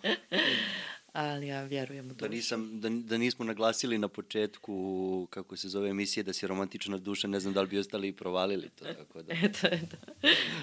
A, a, I borila sam se za dušu. u toj knjizi. Dobro. A, sad je to imalo, čitala sam mnogo, mnogo, mnogo a, i mnogo sam bila gladna jezika i baš te raznolikosti u jeziku i čuda i htela sam izraz na većem nivou, htela sam da pričam knjigom, ne samo pojedinačnim pjesmama, htjela sam da one komunicira jedno s drugom, a, htjela sam da mogu da se preslože i kako god da ih presložiš, da one pričaju istu priču, htjela sam da ta knjiga bude zagonetna i zagonetka. Ja je jesam koncipirala kao zagonetku. Htjela sam da ima i elemente romana u smislu da ima likove, da ima radnju i slično. Htjela sam da psihološki bude um, uh, dosta kompleksna. Sve sam ja to htjela i sve sam ja to morala jer je to bilo moje tadašnje stanje. Tako da uh, ta knjiga uh, detaljno sam se bavila konceptom, ali je taj koncept takođe bio život. Um, mislim da to mora da odgovaram onome konceptu, znači u smislu bavljenja književnim tekstom i bukvalno i doživljajima kako ja sam to tada sve osjećala. Ona je krenula dosta, vidjet ćeš taj jedan ciklus koji sam to napisala, uh, tako sam na kraju završila knjigu, uh, taj ciklus se zvao Konfabulacija u mojoj glavi. To su ove pjesme koje imaju velike naslove, pa se šire i ti naslovi mogu da se čitaju kao jedna pjesma, a dolje su i oni predstavljaju u suštini neki emocionalni kontekst, uglavnom sa slikama iz djetinjstva, a ispod su u suštini neki autopoetički komentari i nešto što je u tom trenutku bio za mene neki metafizički postupak. Uh, ali um, taj ciklus kad sam napisala mi je spasio glavu. Je to ako verujemo, ne može niko da mi kaže da tekst ne može da isceljuje. Mislim da i treba da isceljuje ko se seti da to radi i da može da radi, da treba to da radi. A, meni je taj knjiga spasila glavu. Bukvalno, taj ciklus i znala sam, e, i tad mi je bilo bitno, pošto mislim da se ta borba osjeća jer kreće od nekog potpunog nihilizma koji je čist ta duševna stvar, ja bih sad mogla da kažem filozofska i to jer je to bilo protkano da. moja misli o tome i naravno da ćeš moći ako se naročito ako se baviš jezikom i ne znam nija šta da od nečega napraviš a, kao i da kažeš da je to neka ideja, ali zapravo od stanja dosta proizilazi naš Neki problem izraz. kad nihilizam stvarno postane neki način tako, sagledavanja stvari. Ali tako počinje, mislim, nije to, u stvari ne mogu kažem koliko, da je to bilo celo stanje, ali svakako muka. Trenutno možda. Da, da, da, od pitanje neko koje me jako mučilo i na kraju sam znala da želim da izbijem na svjetlost ovo što sam prije rekla, znači tu u pojedinačnim pjesmama ima no, tako ima i šume neke mračne, ne znam, ja tako sam ja to doživljavala. Ko hoće neko kupi da pročita, ja mislim da će mnogo bolje doživlje da, imati. Da, da, jeste, jeste. A, onda si napisala Mi Marije. Aha. Mi Marije. To je druga objavljena knjiga, da. tako? Da, da, da. Mi Marije, Jeste. One su došle, pošto ova je knjiga kao pisana iz tih nekog ciklusa koji se slažu kao lego kockice ili kako je rekla Jasmina Topić, to je knjiga Transformers i to. I ima više likova koji na kraju ima dosta polova, muško, žensko, plavo, crveno, jug, sjever i slično. I sva je tako bipolarna. a, a ovdje u Marijama, a Marije su najavljene u konfabulacijama. Aha, najavljene su? Jesu. Mislim, ja o tome vodim imam, kako da ti kažem... Ti si kao Tarantino. mogu da naslutim, mogu da naslutim i slutim. Imam tu sposobnost i koristim je. U kom će smeru da krene dalje tvoje da, stvaralaštvo? Da, da. Uh, I uh, u konfabulacijama postoji jedna pjesma koja kaže morala sam sama u mraku pronaći drugu ruku i svi ti glasovi kojih ima više u konfabulacijama na kraju postaju ženski glas. To je mi Marije su ta junakinja koja je ostala sama na kraju da se traži. I to su tri ženska lika, jedan androgini um, u toj knjizi, ali knjiga se zove Mi Marija, dakle okuplja ih sve zapravo pod jedan kišobran. Uh, jezik je stoga tu dosta jednostavniji, manje simbolički nabijan, ne manje lišan igra, ja bih rekla. Uh, I uh, voljela bi, u stvari mogla da pročitam nešto to. Može, naravno. Ajde. Šta sam htjela sa tom knjigom? Ima tu negdje te junakinje, neke su iz prošlosti, a, neke su savremene, u ovom trenutku žive, neke, negdje naslučena neka budućnost, što se ispostavilo na kraju da zapravo te pjesmom naslučene budućnosti krenulo se da se ostvaruju neke stvari zapravo, mislim na društvenu realnost. I to ti samo znači koliko jezik zna sve. Mhm. Kad bi mi samo obraćali pažnju, koliko je informacija u jeziku oko nas, koje samo treba pravilno protumačiti, da znamo šta se dešava, šta će se desiti. To je. Ali, DNK. Ovo dakle nije ni pjesma, nego ovo je nešto što smo pisali za blurb, što na neki način može da predstavi knjigu. Baba me je naučila da se zorim ako sam neuništiva. Davno sam prvi put pomislila da možda nije u pravu i već je bilo kasno. Ispod svakog bačenog kamena dizale smo se jedna za drugom, sve mi, Marije. Ustajala sam kao bakljonoša koja nije birala vatru. Svakodnevni heroj u borbi na unutrašnjim bedemima. Sobstveno pobunjeno dijete kome je diagnostikovana poezija. Virus u permanentnoj mutaciji. U sebi sam odgojila i ziminu mezimicu. I to ne jednu. Prva je igračica na ledu, brza kao tvoji klikeri, druga gotovo nijema, strpljivija i od drveta u rastu. Nijedna od njih nisam ja. Sve sam ih nosila u sebi. Sad puštam da idu ispred tebe kroz snijeg, a ti čitaj tragove kad krene lovna sezona. I upamti, čovjek je neuništiv, a naročito žena. Raduj se. Ali nisi luda valjda time da se dičiš. Odlično to je u suštini neka vrsta tvoje perspektive celokupne zbirke.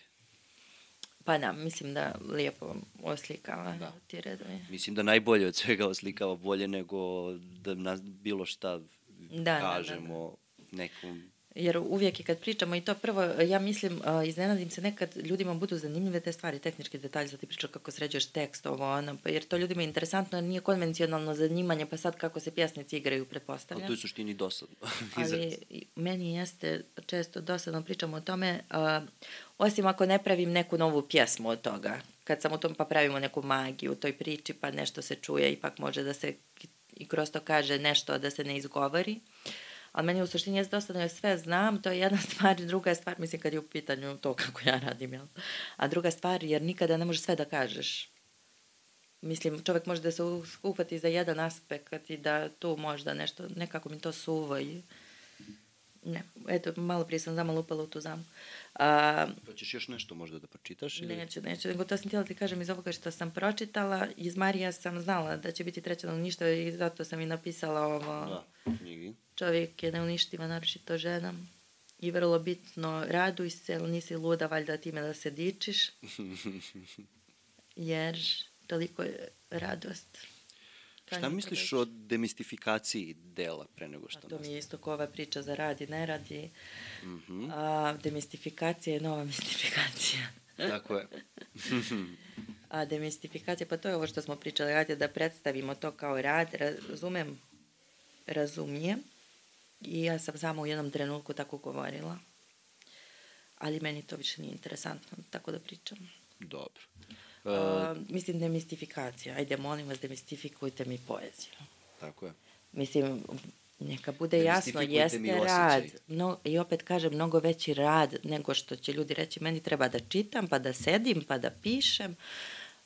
Ali za početak treba da se rodim, pa da živim u jednoj vrsti okolnosti, pa da budem odgajan na ovakav način, onakav način, da određenu stvar slušam, gledam, živim u određenom političkom kontekstu, određeno vreme, bla, bla, bla. I da, da budem na neke stvari... Da budem istraumatizovan određenom stvari. No, ja verujem da svi, sve nas, mislim, oblikuju naše rane i to, eto, neke te oblikuju tako između ostalog da kreneš i da se baviš neku, nekog, nekako drugačije i to sve. Mislim, ima tu stvari koje... Poezija. Poezija. A, ja bih volela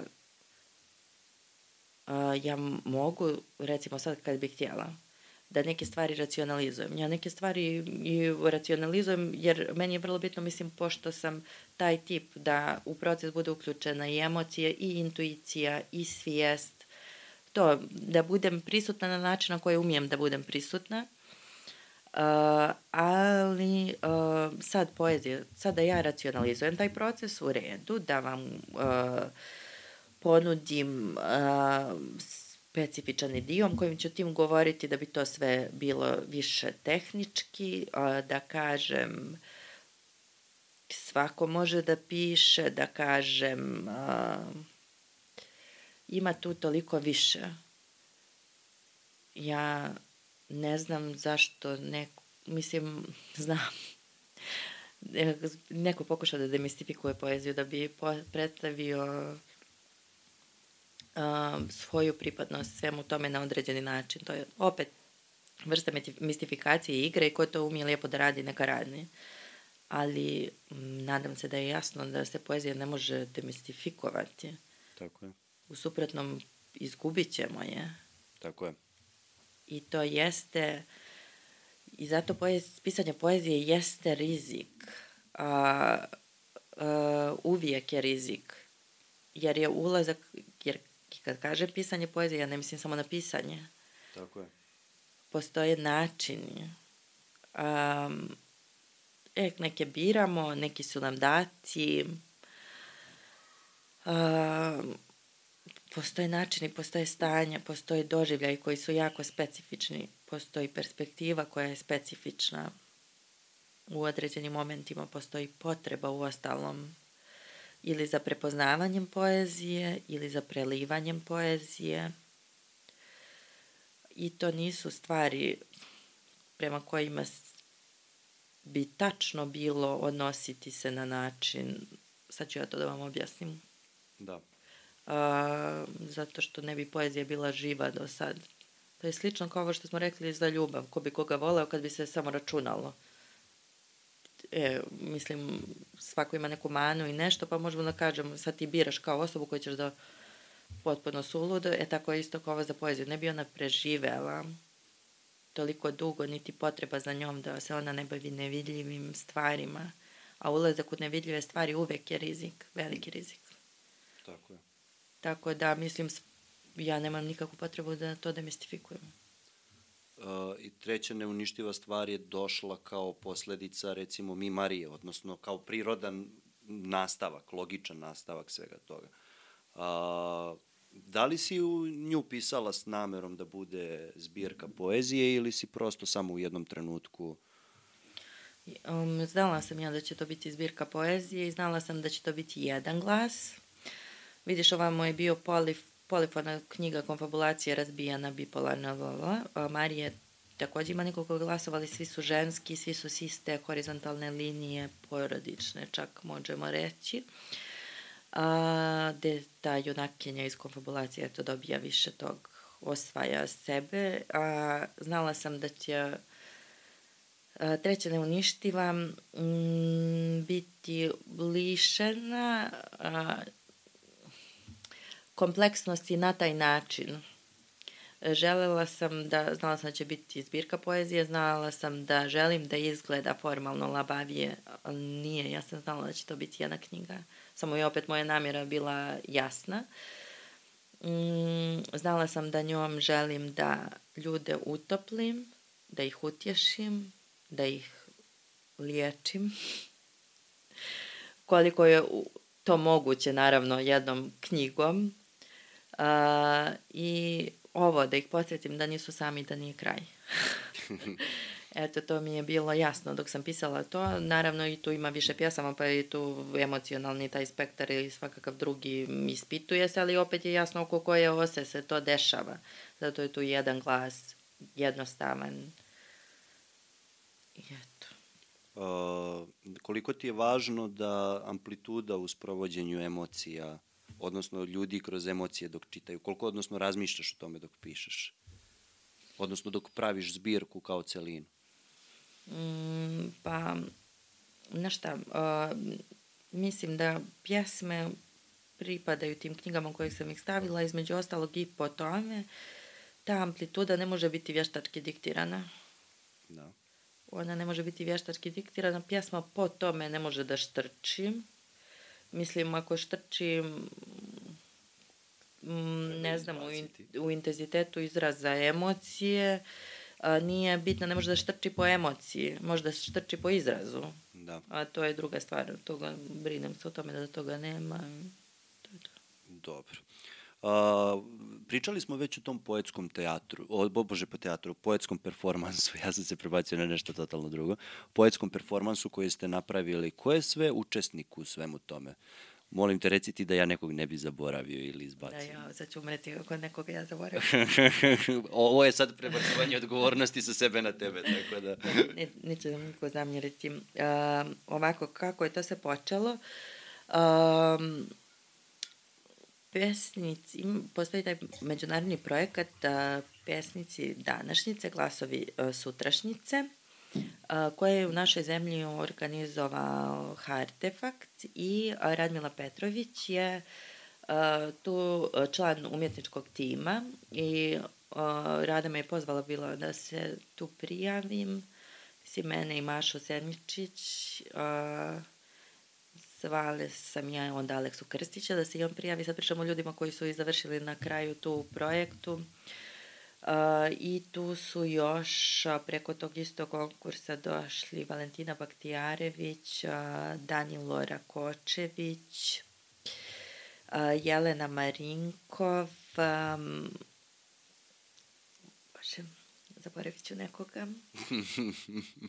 Anđela Đokić je tu takođe a, Tihana Smiljanić. Ima vas baš dosta.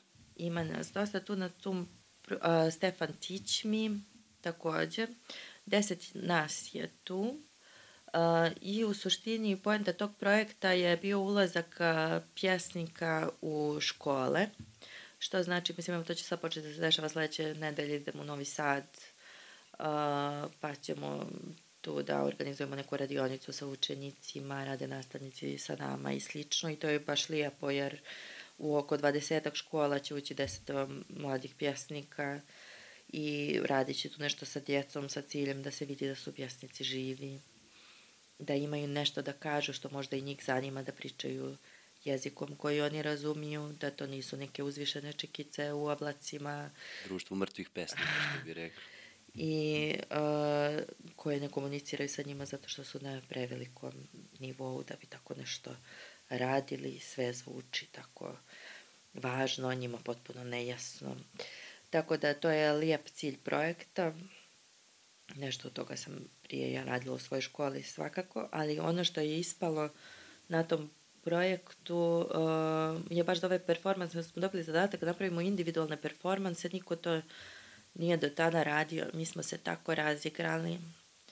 To je tako lijepo bilo i svako je uspio mm, da napravi od tog performansa, da ga napravi u skladu sa svojim i mm, sa svojim prirodom i sa prirodom svojih ograničenja uh, i da napravi tu neki svoj mali svijet. Da svi su oni različiti. Evo mi kažemo poetski performans, a naš nijedan performans nema veze jedan s drugim To je bitno, svako je nešto svoje tu. Svako od vas i piše drugačije, ima drugačiji Tako stil je, i je. po automatizmu ćete verovatno ako sami razmišljate o tome dobiti različite performanse. Jeste. Mislim, eto, meni je zanimljivo to negdje sklapanje kao negdje tog dramskog i poetskog. A, svako je želio i različitu i poruku da prenese i to sve naravno tekst je taj baza pa i šta je, ono što je meni bilo bitno za te poetske performanse mislim svakom od nas ostaje naglasak na poeziji. Sve je u službi da. poezije. Mislim da je uh, jedan od najljepših događaja na kojima sam bila to kad smo radili u Botaničkoj bašti 11 individualnih performansa imaš zašto mi je bilo lijepo jer mislim mi smo radili dva sata kao u lupu svako Aha, lupu, svoj. da. da, da, sad zavisi, oni su svi bili drugačiji, a ljudi su nas posjećivali i mislim da je zato bilo prelijepo, baš je bilo magično, jer su ljudi imali prostora, aha, sad idemo kod Alekse, ostajemo koliko hoćemo, sad idemo malo kod Marije, ostaje tu koliko hoće i oni idu po bašti, a ta bašta je kao čarobna bašta gdje imaš neke alise, male, svako sa svojim svijetom koji te puštaju u taj svijet i to je baš bilo nekako baš, baš je bilo lijepo, mislim. Meni je bilo i neobično tada i da vidim da ljudi se smiju, ljudi plaču, ljudi, tu smo nekako zajedno, baš mi je bilo, eto da ponovimo opet tu riječ, prisutnost, to. I još što mi je bilo važno, to na kontekstu onoga što sa početka priča književne večeri, to vidiš kako može to, eto jedan od načina da postane sve nova pjesma. Ili kad smo radili u Artefakt kući, nas 11 performans poezija zna, a, mm, to sam koncipirala i režirala, ali recimo sa namjerom ono opet istom, da se svi udružimo, da svako pokaže različito nešto i da radimo to za Svetski dan poezije, da bude poklon. I ja mislim, eto recimo, to je a, blisko jako suštini poezije i jeste poezija. Imaš 11 pjesnika, daju ti se, nas 11 na sceni u dva čina, a, svako govori svoje stihove, znači samo poezija, samo igra i ljudi, evo vam. To je i toliko, sad kako vrijeme promiče, sve mi je draži taj koncept, recimo, tako da mislim da ću pokušati nešto od njega da uradim još da se to ponovi. Pa dobro, mislim, generalno poezija nije samo nešto što može da bude prisutno u performativnom delu. To je prisutno u dramskom, recimo u pozorištu već jako dugo.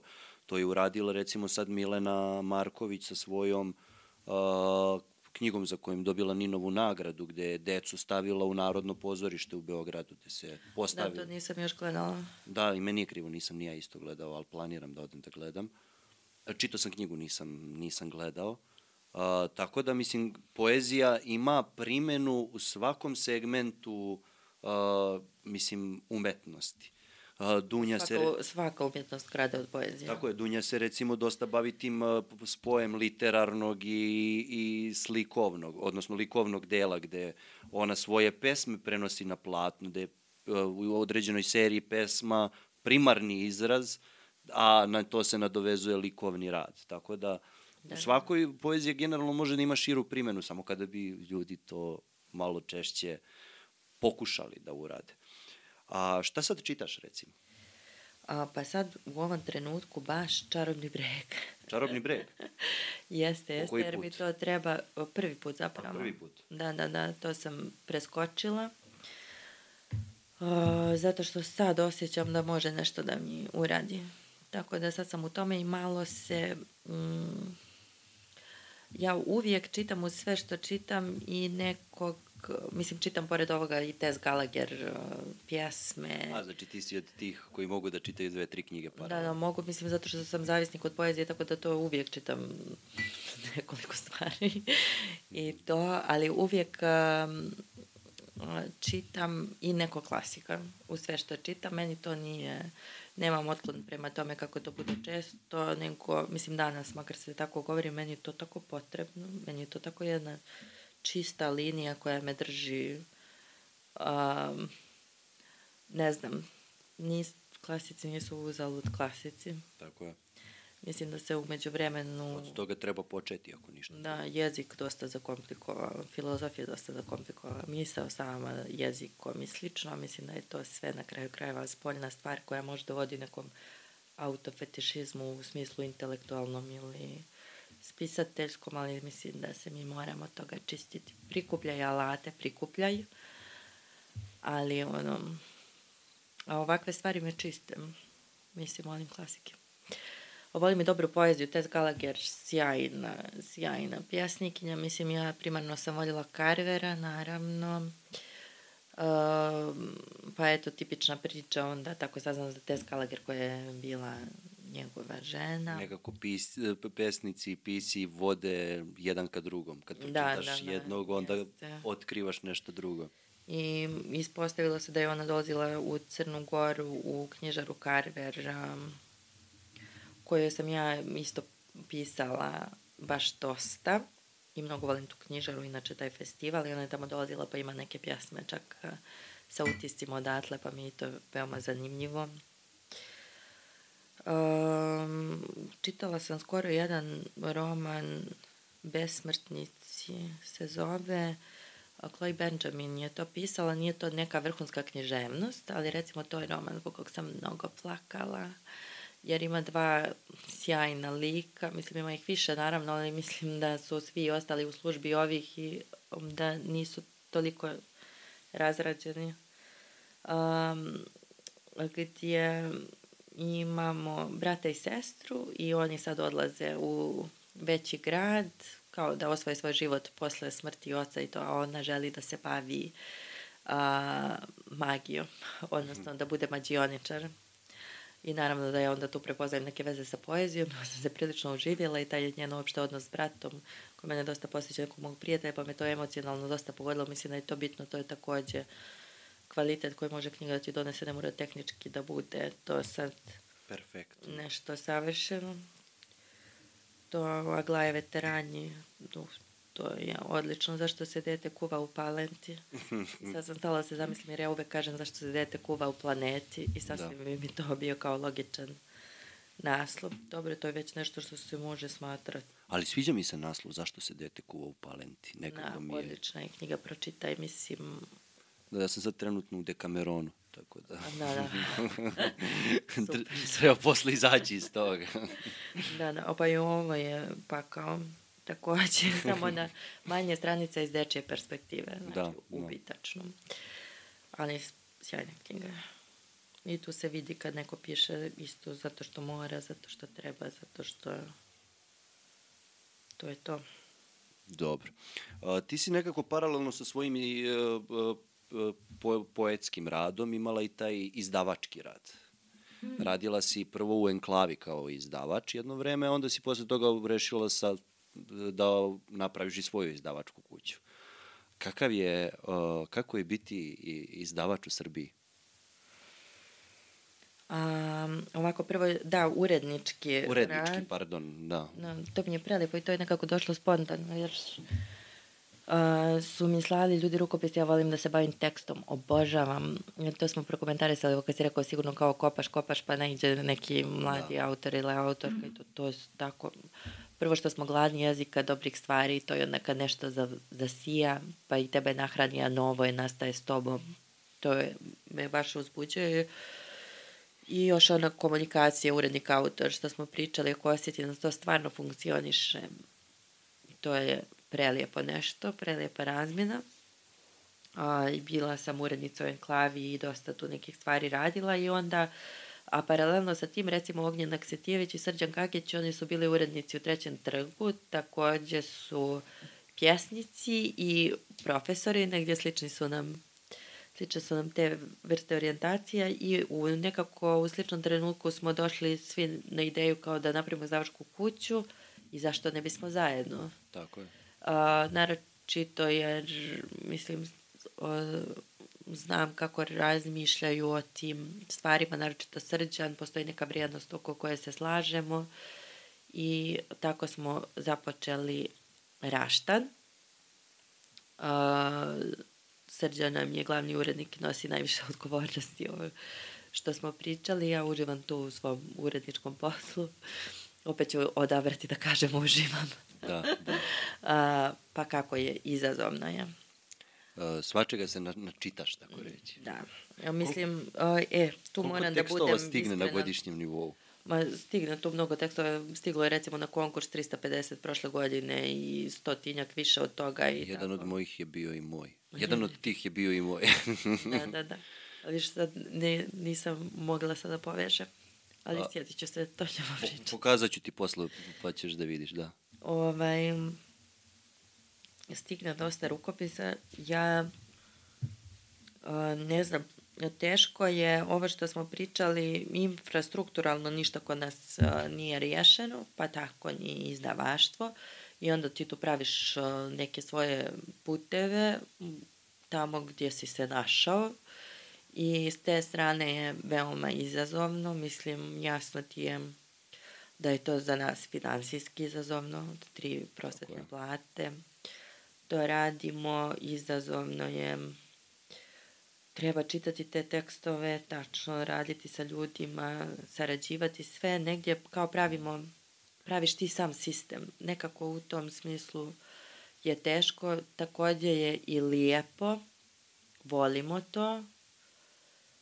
Sjeli smo tad kad je Raštan kretao i to i kao pijemo kafu da nešto prokomentarišemo i to sve i Srki govori u jednom trenutku koji smo mi ludaci, jer tog mjeseca je recimo cijena papira skočila 100% ili 200%, nije... Da. Tako da mi u tom trenutku kao krećemo iz izdavačku kuću, ali kao šta ćeš? To su neke stvari u kojima ovo osjećam da učestvujem, to je neki moj put, pa sad da radim tako kako znamo i stvarno je divno. To jeste dobar osjećaj kad naiđeš ti na nešto novo, što je prelijepo, što mene to baš hrani, recimo te prve knjige, uh, autore i sve. Uh, da li sam takođe istovremeno doživjela malo zasićenje, jer sad se ispostavlja da već godine u pitanju i ne znam, što zvaničnog, što nezvaničnog rada. Nije sve nužno moralo da bude vidljivo, potpisano i slično. A, jesam, jer trebaju mi prosto i neke stvari kroz koje se ne probijam. Zato ti kažem vas da i neki veliki pjesnik, vas da i neki klasik i nešto čisto zbog... Ali, Tako da, li, ali- ali da li avantura Ali to ono svi sići vide, u taj rudnik? Tako je. jeste, jeste. ali svi vide taj moment kao uh, izdavanja neafirmisanog pesnika, ali uzročno posledično je da ti da bi probio izdavačku kuću moraš prvo da izdaš nešto veće, nešto što će da se prodaje, da bi moglo uopšte da publika dođe do tog neafirmisanog uh, pesnika, a to za to koštaju recimo ako je neki strani veći, za to moraš da platiš autorska prava, moraš da platiš svašta nešto što finansijski mnogo košta, a opet ulaziš u taj rizik da li će se to prodati, da li će to doći uopšte do publike, Da, da. da li to publiku Pa, uopšte znaš- zanima. Znaš kako, mi smo krenuli u tu priču bez velikih ambicija, sa željama i određenim um, željama i kompetencijama koje smo mislili da možemo da upregnemo da budu korisne. I tako smo, nismo krenuli u neko kao komercijalnog izdanja i to, nego ja sam bukvalno krenula od svoje prve želje, želim da objavim knjigu Selma Jasutić, reci Vatra, jer želim, mislim da je Vatra. A, I to se ispostavilo dobrim, jer ta izdanja koje smo objavili, ona jesu nama donijela određenu vrstu prepoznatljivosti. Nisu ona komercijalno uspješna i to, ali mislim, poezije se kod nas prodaje u 300 do 500 primjeraka tiraž, to je tako i u Berlinu. Nije po tome Beograd uh, različit.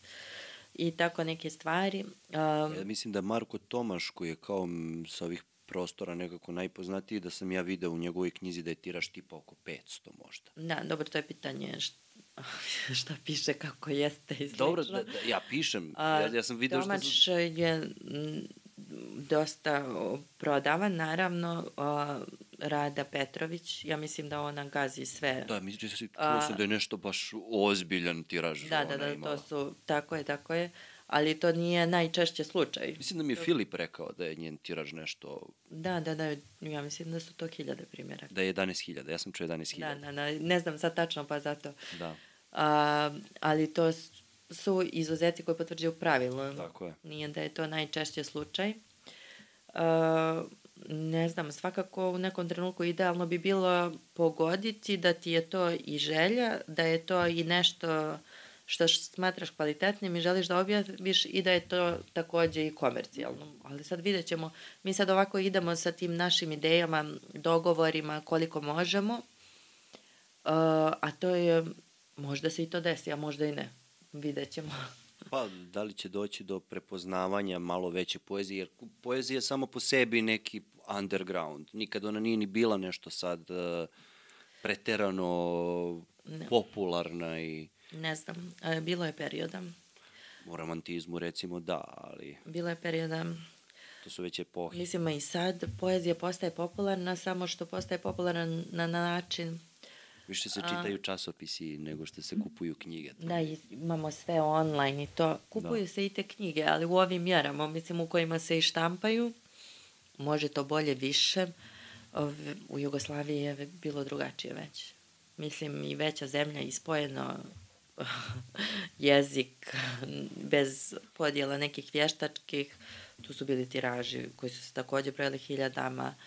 Zemlja je znala svoje pjesnike. Sad poezija postaje popularnija. Ali nikako ali... Ne, ne, mislim, neće moći, ja mislim, ni da priđe tiražu kojim se prodaju romani. Pa vidjet ćemo.